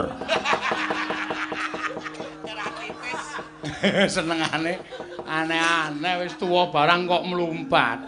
Sikile iki wis ringke. Aku iki sikile cacate nggo kacamata barang. Aneh-aneh. Wong sikile dengklange potoro didi kempot barang kowe iki. Aleman. Cerewet. Ngadeg, Mbah. Sawarga cekel. Menengo wae cekeli.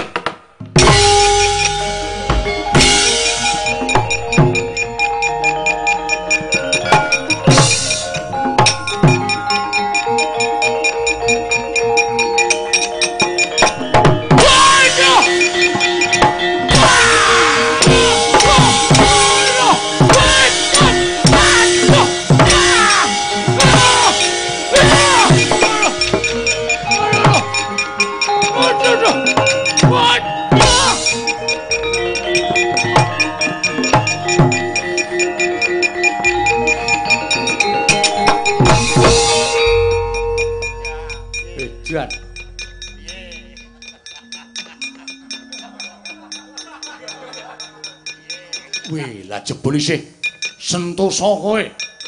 Bangane aku Werkudara. Hmm? Oh. Nyatane aku wae nglekar kowe isih iso ngadeg jejeg. Aku nganggo obat. Saedan ora. Ngono wis ora mampu. Hmm.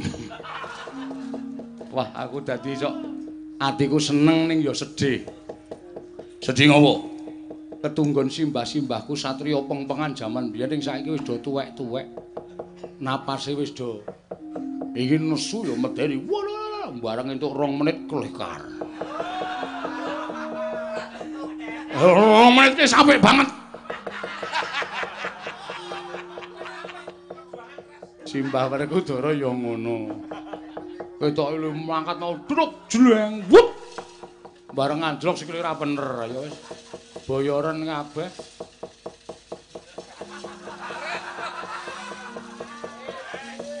Wis dibongkari ya, Mbah. Wis kon bubar urung. Anggep ora. Sawarga. Kowe aja kaya ngono, mengkono pradata adil.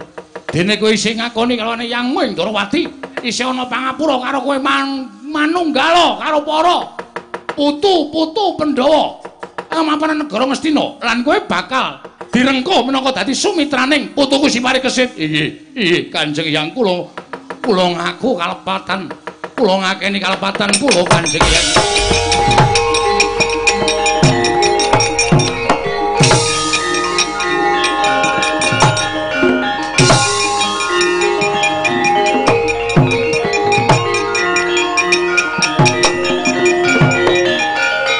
Werkudara. Iya. Sing tak karepke ya kaya ngene iki. Trubusaning satru telik Mangindra Jala. Ingeng bakal gawe ora tentreming negara Ngastina. Tak jaluk panikesit jumeneng kabeh wis tentrem, ayem, ora ana apa-apa. Yo. Ayo padha dinteni negara Ngastina. Ayo tak derekke Jurikanata kakangku.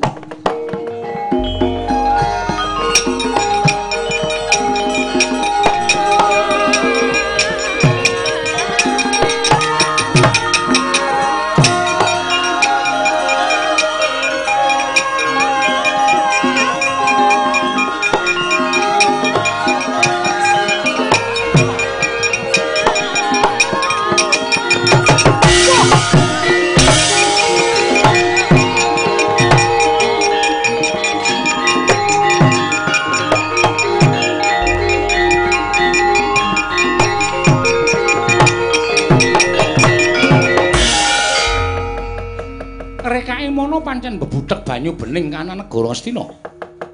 Ning lha kok ora spiro kekuwataning Prabu Sawarka dalah tiwas tak. Tak obong atine supaya ora nrimakake marang katentremaning para Pandhawa. Ya. Kertiwindu iki anak pateh sengkuni. Ora lega rasane ngatiku yen aku ora mudi tuwuh malslara wirang sedane wong tuaku. Nadyan tekan ngendi wae aku mung bakal gawe rusak mung bakal ngedu antaraning darah Pandhawa siji lan Pandhawa siji legane ati.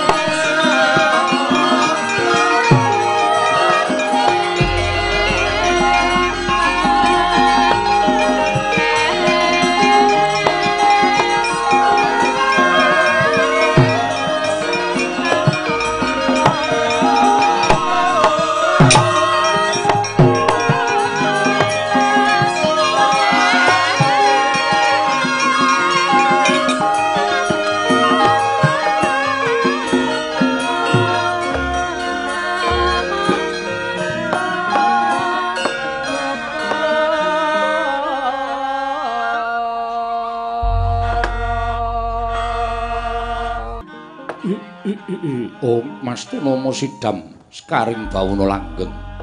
Eh, utuk gonggir pari kesit. Nun wonten pangendika ing adawuh menapa Kanjeng Eyang? Hmm. hmm. Lah kok dadi bareng aku sumurup pendak-pendak weruh kelawan pasuryanmu. Pendak-pendak aku sumurup marang citraning putuku si pari kesit. Urung iso ngilangake lelakon ingkang wis kepungkur. Duk nalika wong tuamu kapupu ing Rana Madyalaga ning perang gedhe Bratayuda. Saben-saben niat kepengin ngudang kelawan putuku ning tinemune malah ternyuh atine wong tuamu aku. Mergo tansah kelingan marang wong tuamu ya kuwi si Abimanyu. Putuku ing nalika semono kanthi gagah prakosa maju ning pabaratan. ijen tanpa ruang nasak barisaning mungsuh wekasan tatu warang keranjang rinanjab dening Kurawa. Nganti tekan sedane wong tuamu. Nalika semono ibumu isih nggerbini ya kuwi ngandhut jabang bayi ora ya kowe nggir. Parikesit nggih kanjeng eyang. Sedaya lampan sampun ginaris sing pepesten. Samangke ingkang wayah mbok menawi saged kinarya lirunipun Kanjeng Rama sawarga. Ah, janjanipun sampean niku mboten perlu kaya ngoten, Premban. Ah, wis madheg pendhita kudune sing sabar, sing ikhlas. Mboten perlu panjenengan paring pangandikan kaya ngoten sing wis lelakon sing wis kawuri nggih sampun mboten sadiling-eling melih. Ayo kaya ngono ya, Truk. Kuwi sik kelingan Truk? Oh, isih. Jaman semono ya, eh. Nek do crita nganti salirane Ndura Abimanyu nganti kaya landak. Ora dibedhil. Hmm. Salirane Ndura Abimanyu nganti kaya landak tegese panah li temancep nganti kaya landak ngono lho, Oh, ah, iki mau ngrembug bilaloka apa apa? Ngawur. Iki nek ora melu mek rae radong ora sampe melu gong ora. Turu kono. Turu jengkolmu kuwi sih nyambut gawe kon turu ora. Ah, monggo Ndara Parikesit menika ora sah dicritani sing boten-boten. Nggih leres niku nyontoni dhateng ah jiwa kasatyanipun ingkang Rama ning rak wancine boten pas. Mergi niki nembe boten wanci ingkang mirunggan. Iya, Kyai Semar pancen kono. Ah, sing wigati didongake mawon muga-muga Ndara Parikesit menika pancen as satunggiling satriya. Ingkang mangke saged nyambung sejarahipun para Pandhawa. Utamanipun ingkang Rama penembahan. Semareka den prayetna Samurires eka balik. Ong Titiyani gandayani Trisanya Purnama sasi. Gilar-gilaraning tengah latar milang lintang Bima Sekti. Ing tintrem madyaning pertapan Saptwarga Sang Penemban Matswapati nalika semanten lenggah dinadhem ingkang wayan dadak sakoling mangke praptaning nata Ndrawati tuwin Raden Arjuna karya kagiat kang samya mula Kontang ning samudra anglangut om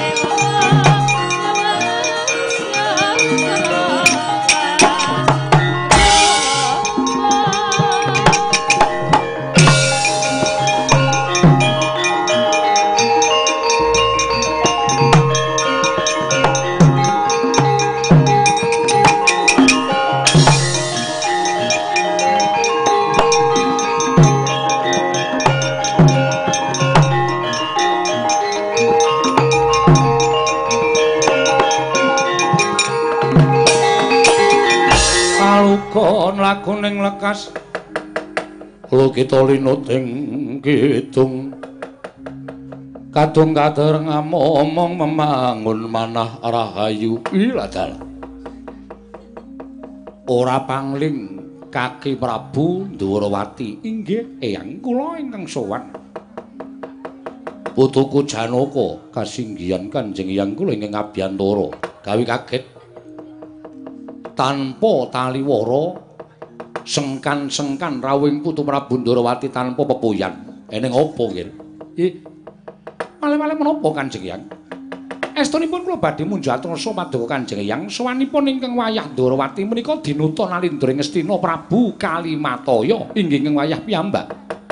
Mugi andadosna ing kawuningan mboten dangu malih. Yayi Prabu Kalimataya badhe lengser ke Prabon. Lho, kaki Prabu Kalimantoya bakal lengser ke Prabon. Inggih. Lah mongko lingukup negara Ngastina rak durung suwe. Saka panguwasaning Kurawa, inggih. Namung menika sampun dados sabdanipun Nalindra Ngastina ingkang boten kenging wola-wali. Samangke ingkang wayah Indrawati sampun nayogyani lan malah samangke sampun dipun tetepaken sinten ingkang badhe gemanti keprabonipun Prabu Kalimantoya. Lho, sapa nggih? Sapa ingkang bakal dadi Nalindra negara Ngastina? Nuwun sewu. Sampun dipun tuding dening sangganing para sepuh mboten wonten ingkang pantes nyambung sejarahing para Pandhawa kejawi amu ingkang wayah pun paripurna inggih paripeksit ya well ada oh oh.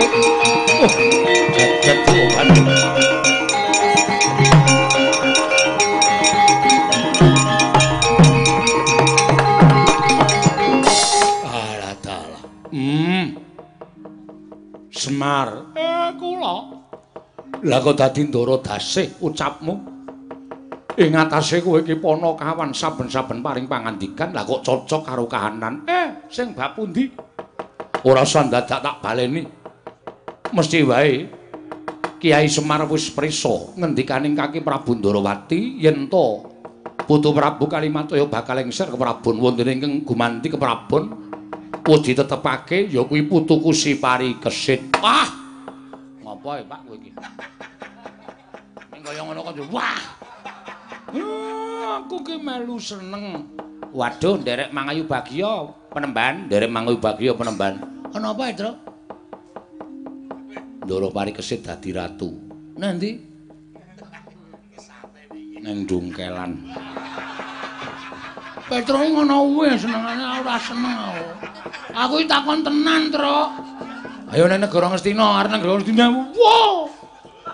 Kaya kaya kaya kaya sengit banget to, Tru. Aku iki cah ora tanggap. Wis wis Petro aja gojekan karo Bagong. Mangke yen penemban niku perlu dipun urus. Bagong aja sembrono wis. Nggih, kersanipun penemban pat menapa? Waduh.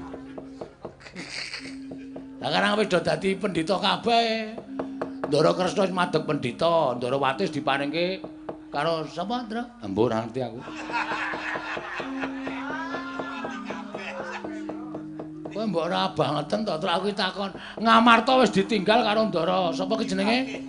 Eh Puntadewa, Ndara Puntadewa lenggah ning negara Ngastina. Ngamarta saiki dadi ratu sapa? Ngamarta dapukane saiki kadipaten. Kadipaten? Heeh. Kadipaten Bantul. Udu. Kadipaten Ngamarta sing lenggah ning kono Ndara Pancakesuma. Pancakesuma ki apane? Wayah Prabu Puntadewa. Lho, kowe kudu apal. Ngono kuwi ora waton sak penake dhewe. Oh, ngono. Heeh. Monggo, Kilura Petruk kaliyan Kilura Bagong dipun sekecaken anggenipun paring pangandikan. Kula tak terima kendel kemawon. Terus? Hmm. Terus sak banjure wis togong. Wis diseneni kok isih ngono kuwi.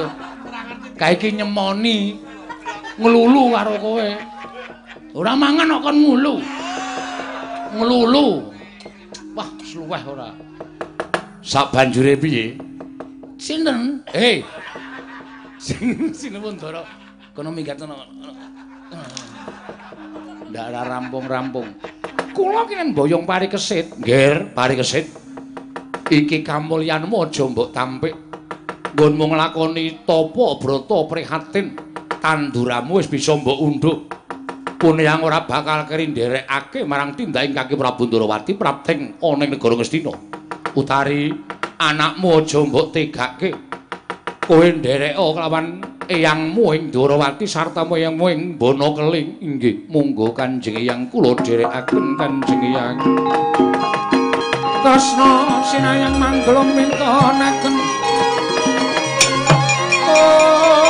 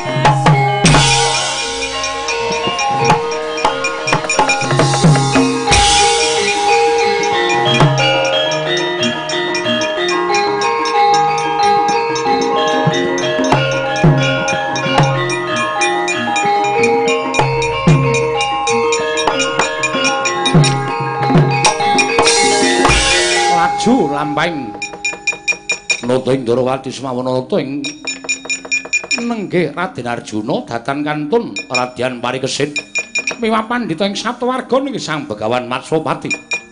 Kadhayangan Sang Gropatwana kawan catur kocap nalika semanten lampahing nenggih Raden Wiratmaya miwah Raden Wisantara. Nalika semanten sinten to kekalihipun? Nenggih atmajanipun Bambang Irawan tuwin atmajanipun Raden Wisanggeni. Kekalihipun sampun prapteng tengahing wana ing pengajap amriksani jumenenganing Ngastina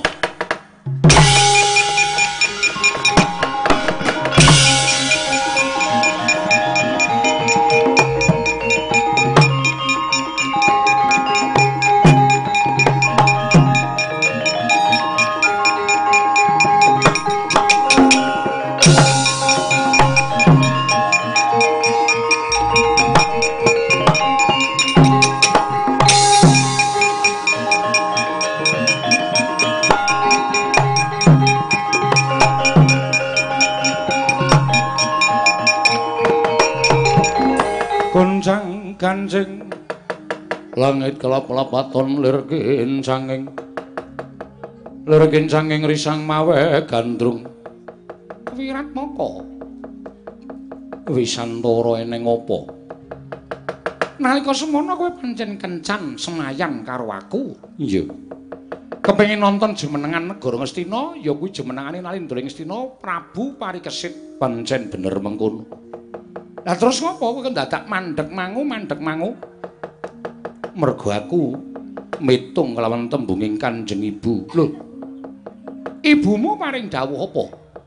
Yen to aku nonton utawa aku ndelok jemenengan ana ing negara Ngastina ora dikeparangake cedhak-cedhak mergo yen to kawanguran mengko mbilaeni. Lho, mbilaene tegese piye? Wisantara. Ora jeneng golek-golek kuwi tak kandhani. satemene aku kuwi anake Kanjeng Rama Irawan.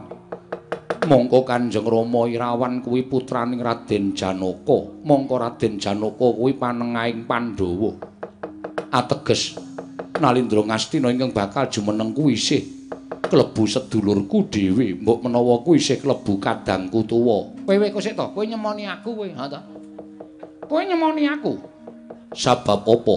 Mergo aku ya diweling dening Kanjeng Ibu. Wondene bapakku kuwi Raden Wisanggeni. Wisanggeni kuwi anak Janaka. Mongko Janaka kuwi panengahing Pandhawa. Lah aku ki ya klebu putu Raden Janaka. Kowe sing nyemoni karo aku. Aku putu Janaka. Aku ya kowe lah yen ngono kowe iki dulurku Wisamuka.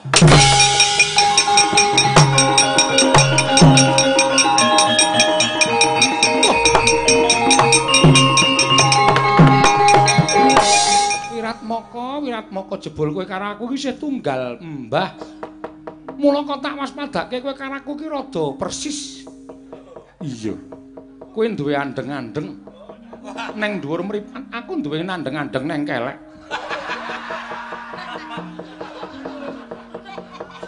Ya aduh sungsate to ya Wisantara. Lah iya Wiratmaka. Lah saiki piye? Yen ngono ayo caket ana ing negara Ngastina. syukur bagi Sawara kalawan Kanjeng Hyang Janaka. Yen pancen kuwi Kanjeng Hyang Janaka, aku pengen ngaut pepadane. Semono aku pengen nyembah karo Hyangku.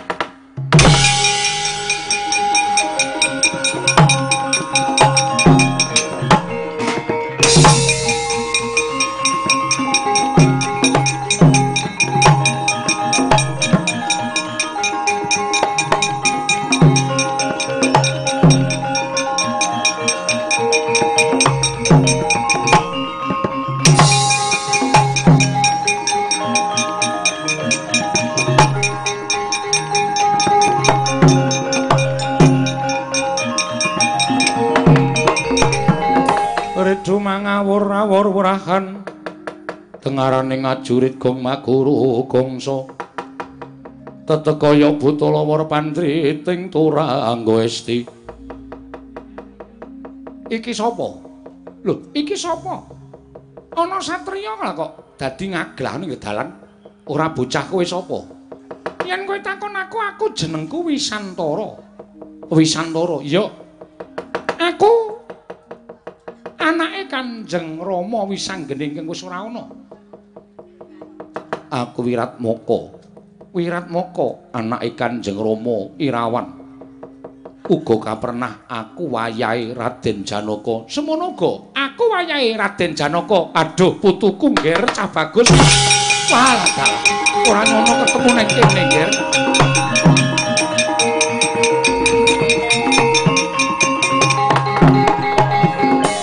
sik to. Lah kok dadi kowe terus ngrangkul karo aku? Yen kowe durung tau wanuh, yen kowe durung tau tepung, takono. Yen kowe kepengin ngauto padane yangmu Arjuna, jagat wis dadi paseksen, iki ingkang aran Raden Janaka. Lho. Apa iya? Iya, pancen mengkono. Lah kok dadi Kanjeng Yang lenggah nang kene? Wisantara, Wiratmaka ora guna nggonku labuh kawan negara Ngastina.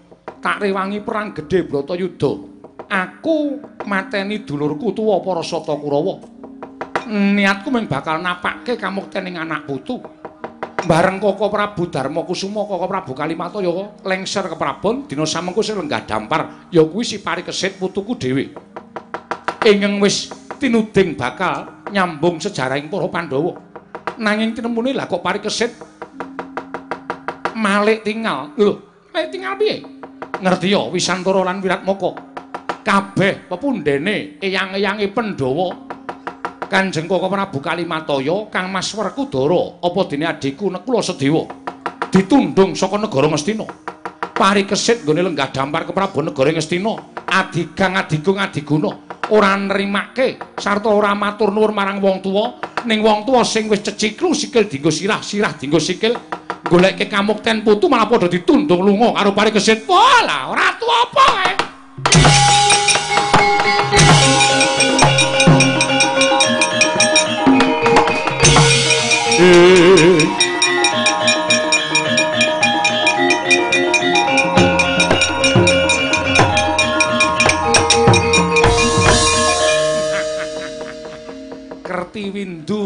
Wong tukang ojok-ojok. wong tuaku mbiyen seneng nglincipi carang papak mula nurun ning aku. Kowe ora weruh yen tak bentik-bentikke karo gerangamu dhewe. Ayo mesti geger ngestina. Merga nom-nom manis padha tak iseni tembung-tembung supaya wani karo gerangane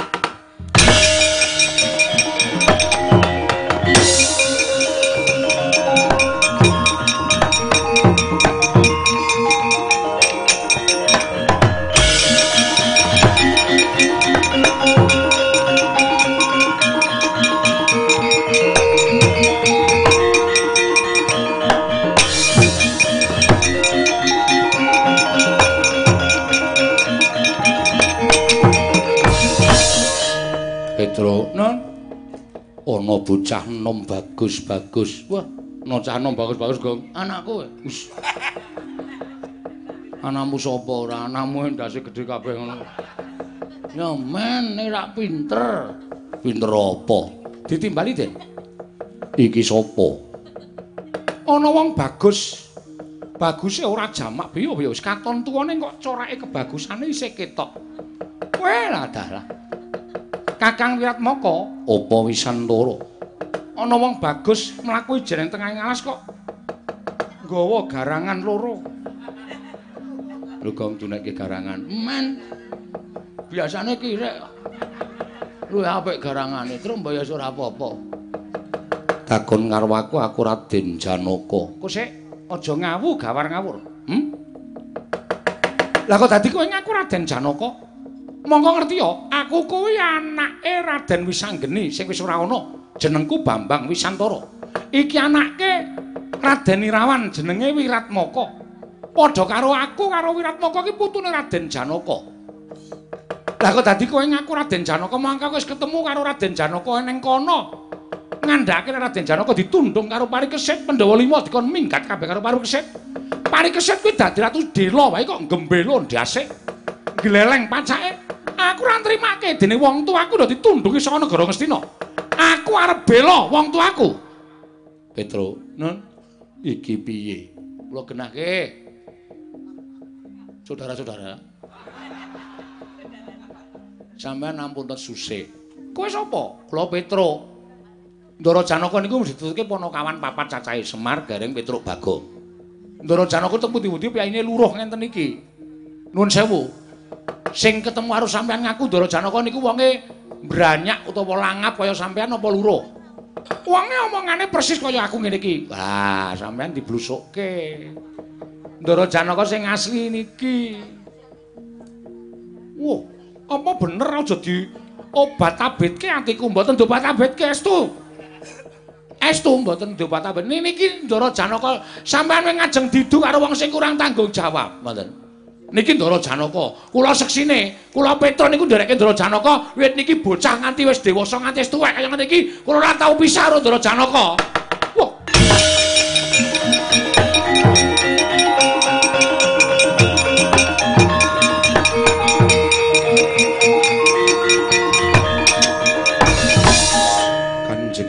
Ngaturaken sembah pangabekti kula kunjuk. Putuku Wiratmaka, anak Irawan inggih Kanjeng Eyang. Eyang aku ngaturke bektiku katur ya Eyang. Iya iya, Wisantara anak Wisanggeni. Kae kok kaya bapakne ya, Gong. Ora iso basa. Malang kerik. Metenteng kowe tangane sing metenteng mlebu ngesak kaya didit-didit to. Kowe ngece karo aku. Ah, ora percaya aja ditudut nek pancen duwe. Erto jalu. Petroke buka wadi senengane. Aku ki ya wis nganggo trek e. Lah trekmu wis kulino konangan kok nganggo trek-trek werna-werna. Aja gampang diblithuk dening wong. Ayo nggir, cah bagus cah loro. Metutke kadangmu ingkang bakal jumeneng nata ning negara Ngastina, parikesit durung dadi ratu. Dina samengko isih kairit sowan ning negara Ngastina disuwanke dening wong atu amu eyangmu. Prabu Kalimataya. Aduh Kanjeng Eyang kula nyuwun pangapunten. Eyang aku njaluk kapura. Iya iya. Wiratmaka lan Wisantara ora dadi napa.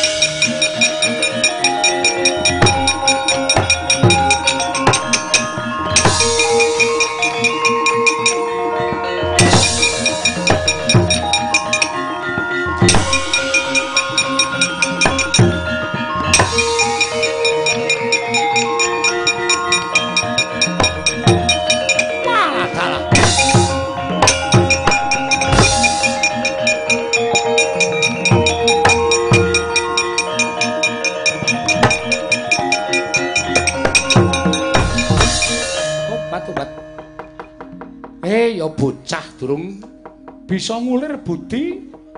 Nyatane bareng ketemu Janaka ingkang sak tenane dirimuk karo Petruk kabeh padha percaya yen to aku ingkang gawe-gawe perkara iki. Kados pundi paman? Menapa sampun boten wonten turasing Pandhawa ingkang saged dipun du kalian para Pandhawa? Isih ana, Danyang Suwe aja kuwatir. Sinten? Ya kuwi Adipati Pancakusuma ing negara Ngamarta. Aku tak sowan mrono. Nanging mangke wis to meneng wae.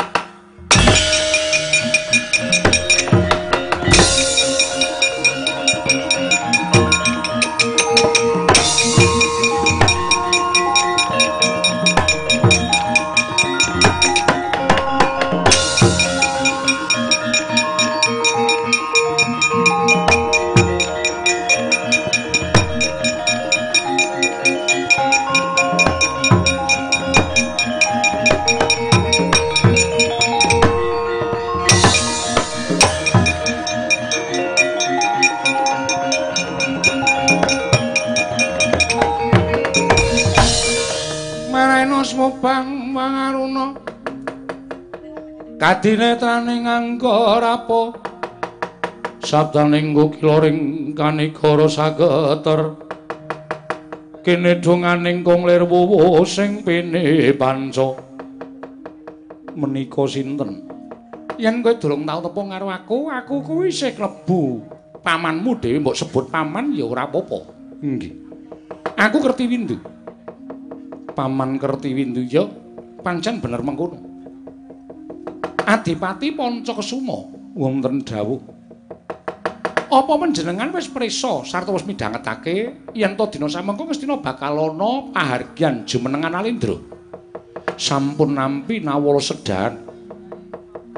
Ingkang sampun kula tampi lan kula kadhawuhan sepados sowan wonten ngersanipun pepundhen kula Kanjeng Eyang-eyang kula para Pandhawa ing Astina. apa Adipati Pancakesuma bakal budal. Mestinipun mekaten jer kula menika tinemu wayah dosa menapa ing badhe kula sandhang. Menawi kula mboten ngestu padha dawuhipun tiyang sepuh. Pancakesuma wonten dawuh sareh sawetara. Upama ditelusur kanthi becik sarta ditelusur kanthi bener, tingkah polahe para Pandhawa ingkang mengkono mau mbuktekake lamun Pandhawa kuwi sawijining satra ingkang banci ndemban siladan. Liripun kados pundi paring dawuh mekaten. Lho ngono. Ing mestine dadi ratu negara Ngastina kuwi dudu kok parikesit nanging turasing Sang Prabu Kalimataya monggo Sang Prabu Kalimataya kagungan putra kakung ya kuwi Raden Pancawala wis pinuputing Madyalaga tegese wis ora ana. Lah kudune ingkang nampa Triman negara Ngastina kuwi putune putune Prabu Kalimataya Ora kok malah anake Janaka. Janaka kuwi sapa? Janaka kuwi satriya. Sing dadi ratune negara Ngastina kuwi Prabu Puntadewa ya Prabu Kalimataya. Mesthine yen ora tiba ning putrane ya tiba ning putune. Lah kok dadi parikesit dakah-dakah.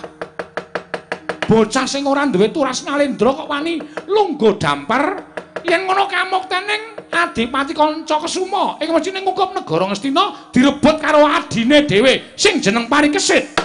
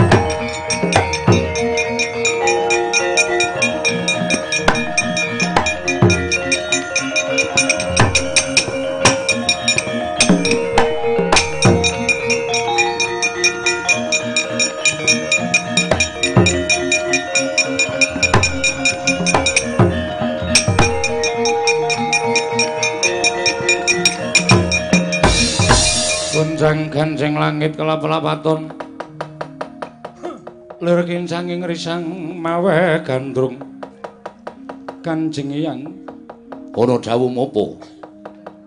Putra Prabu Kalimataya. Samangke sampun gumolong ing tekad para Pandhawa.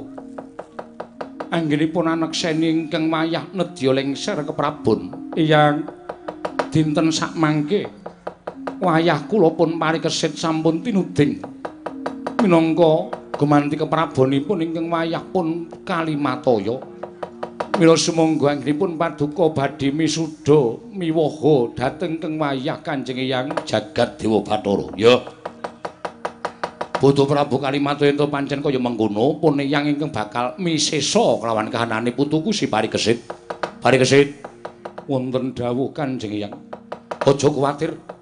Ngendikaning para sepuh eyang-eyangmu, ya mung eyangmu Curiganata ing Grojogan Sewu ingkang bakal tansah ngulatake sarta mangku nggonmu ngasta bawat peperintah negara ing Astina. Inggih Kanjeng Eyang. Ora usah pun eyang bakal nuturi ingkang akeh-akeh.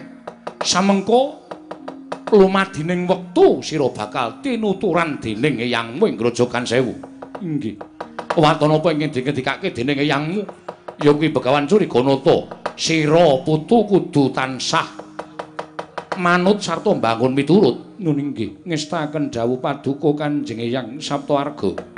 Mula wektu dina iki tak sengkake ngaluhur. Sira gumanti kepraboning nata ing Astina Prabu Kalimataya. ndak biyawarake mring sagung nalindra kang padha lenggah lan kabeh para kadang putra wayah Pandhawa. Muga aneksenana ngastina linenggahan nalindra ya kuwi Prabu Parikesit ya Prabu Paripurna.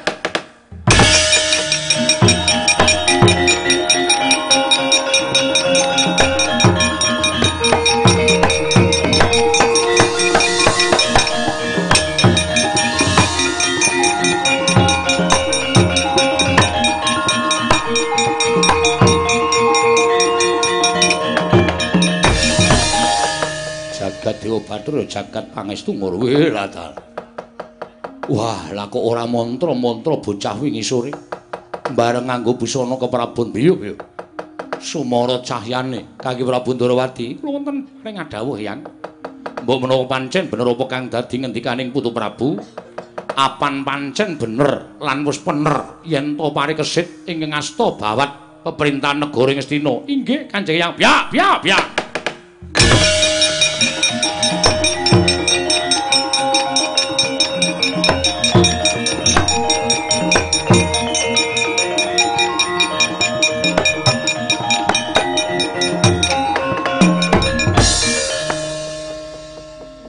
Kawan Petruk eneng apa?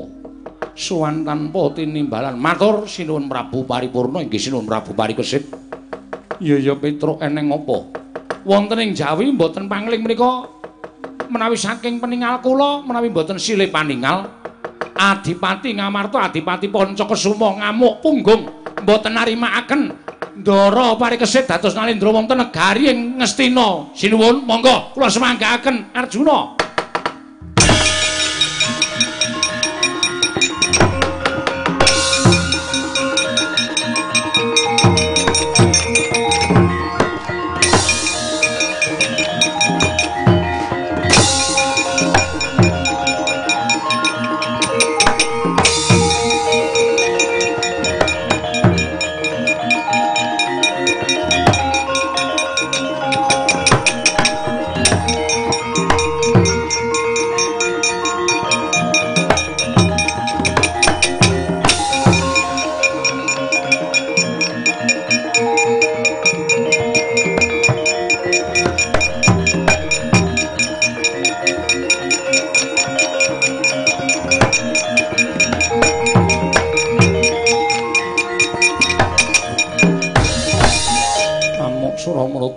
Jayamrata imbang yen padha-padha.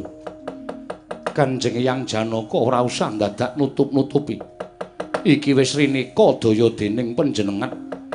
Teka sampeyan muktekke kawan turasing Madukara nanging nyengsarake marang turas Ngamarta. Ing mestine dadi ratu ning negara Ngastina kuwi dudu kok parikesit nanging Pancakesuma jeraku wayah Prabu Kalimataya parikesit ora mudhun saka dampar Ngastina tak opyak leganing atiku Pancakesuma Aja nganti netangi marang kamurkaning yangmu Arjuna. Nggir. Ayo lermo.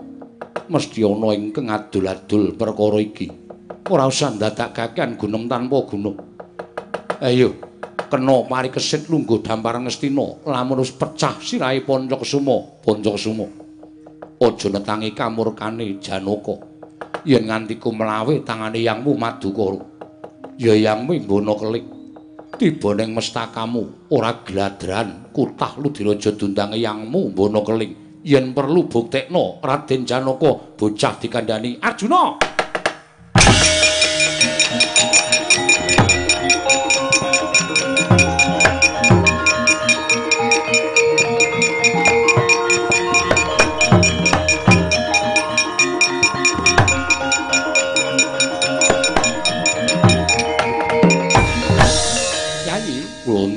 kok sik Aja mbok tangani Pancakesuma mengko mundak ora prayoga. Merga mubal babaling kanepsa ning Pancakesuma iki saka pangiraning pun Kakang kok ora kaya karepe dhewe. Pancakesuma wonten dawuh Kanjeng Hyang. Ayo mara prasaja. Kalawane Hyang Wendarawati. Sapa ingkang ubu-ubuki perkara iki? Lan sapa ingkang gawe malik paningaling Adipati Ngamarta? Sekawit kula nampi dhateng rawuhipun Kanjeng Paman Kertiwindu. Samangke lajeng tumunten nuturi dhateng kula, sareng kula petang-petang jebul menika nyatanipun leres. Mila kula nyuwun kamukten negari Ngastina kosek to. Aja ngawu gawar ngawur. Kowe ngerti ora? Kertiwindu ki anak Sengkuni dumadining pecah gedhe Bratayuda perang kabeh mamarga saka cangkeme Sengkuni. Apa kowe gelem didu karo wong tuamu dhewe Pancakesuma? Petungan to?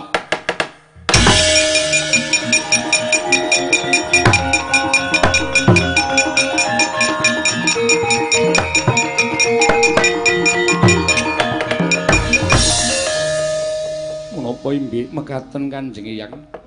Mula ta mula nek ora ngerti kuwi takono aja nganti kowe gampang didu karo sanak kadang mitra kawruhmu dhewe. Kanan wis tentrem kaya ngene meso ae. Isih bakal ngobak-obak banyu bening. Ya kuwi turasing sengkuni Pancakesuma wonten dawuh.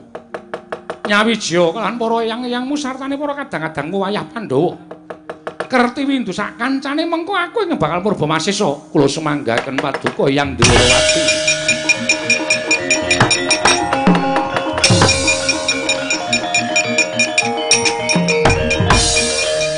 Dwarawati. Kertiwindu niku sinten? Wis ta. Bagong wis ora metu kowe jedal-jedul ki ngopo?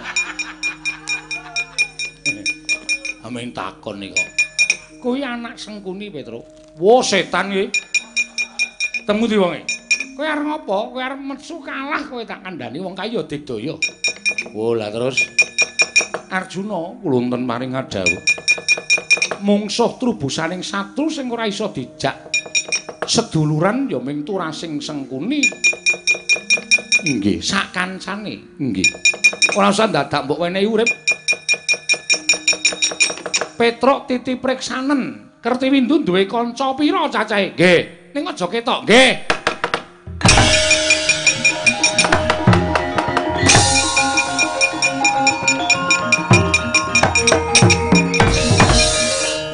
Kok cepet banget?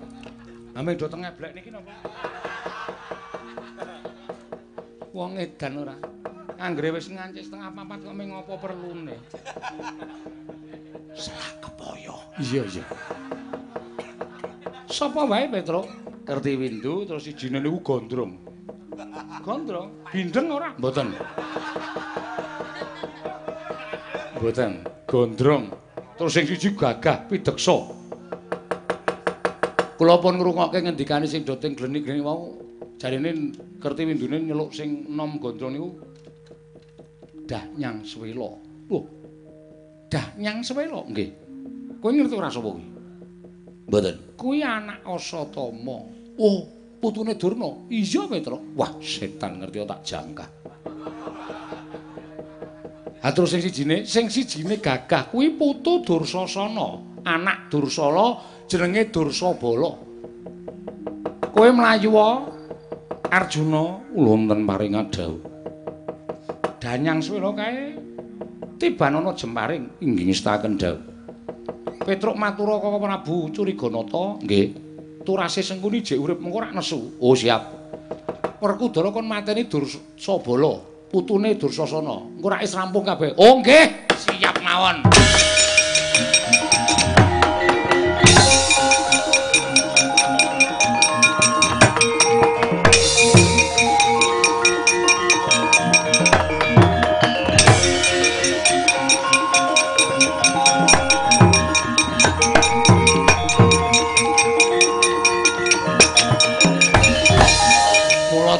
Ngastina niku mboten tau tentrem. Mula ta mula Ngastina niku mboten tau iso ayem, iso jenjem. Merga jebul turase wong tumbak cucukan, turase provokator. Niku ya melu dadi provokator. Sapa itu? Piye? Sapa? Aja seru-seru. Niku menggema ora kok. Sapa sing dadi turasing? Sing tukang nglincipi jalan papak. Anak sengguni jenenge Kertiwindu nia sing ngedu para buaya waya Pandhawa. Eh, bles tanat nenti menungsane teng mriku aja kacepat. Bar kowe.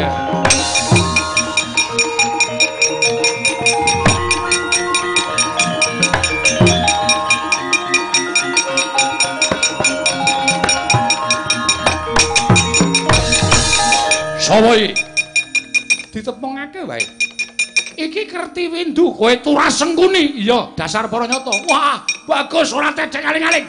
Pancen tak jarak duwe niat bakal ngobak-obakan Terman Negara Ngastina. Wah, bangsa tetek kowe. Wah, kowe. Arep. Apa iki? Iki apa? Iki wis pirang-pirang taun ora tau metu. Hmm? Mergo aku wis dadi brahmana. Mula brahmana ki aja nganti nyanding marang pusaka ndak tetel kabrahmanane. Ning mergo ana dapurmu. Nganti ki tak toke meneh. Iki nenggala tak andani, mapan ning epek-epek. Nek aku nesu nenggala ki metu dhewe. Kowe tukang adu kono adu kene. Kowe tukang gawe geger. Ora pantes urip ning negara Ngastina. Hm? Ora pantes kowe diwenehi urip. Sengkake nyawamu kowe. Hm? Kowe nusula bapakmu ngono ning neraka dadi tiping neraka jahanam. Setan.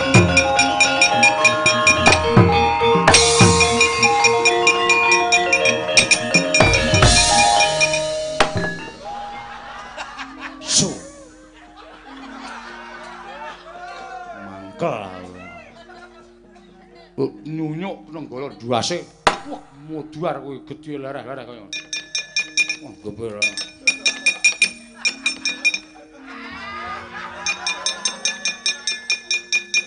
Tampake truk tau yuwi. Mangkel aku. Gus Dara Janaka. Iya, Petruk.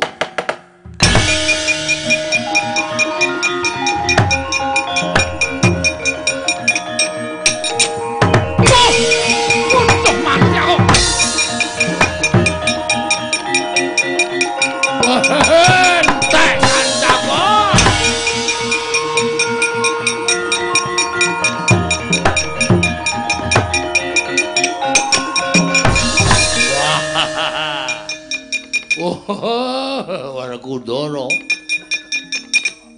Sapa iki? Dursabala, anak Dursala, putu Dursasana, bedhot bangkeamu. Waduh!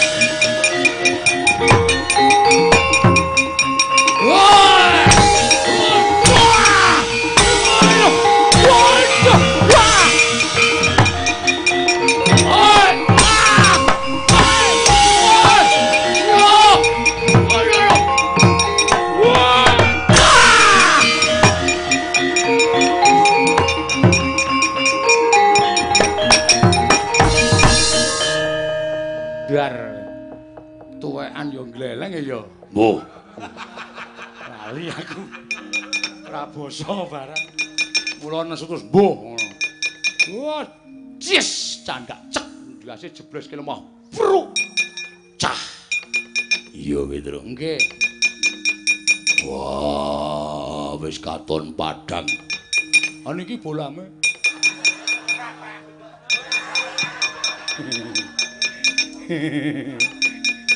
Wih kacau! Iki ngapa ya? Lambe kok dicuwek nggo kuku ora. Minggiro Petruk. Sing cilik-cilik tak singkirke ndak dadi bleduk. Nggih.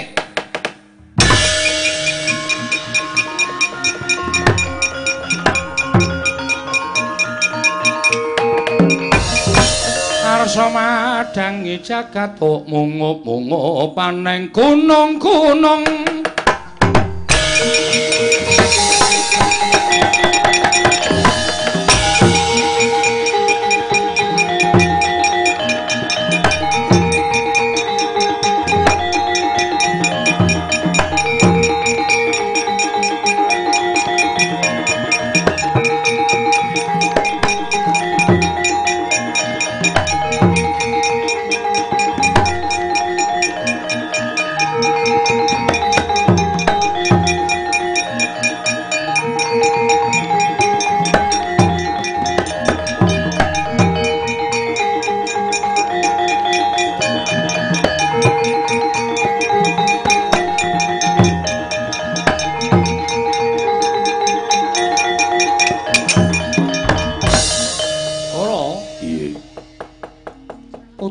Parikesit wis lenggah damper.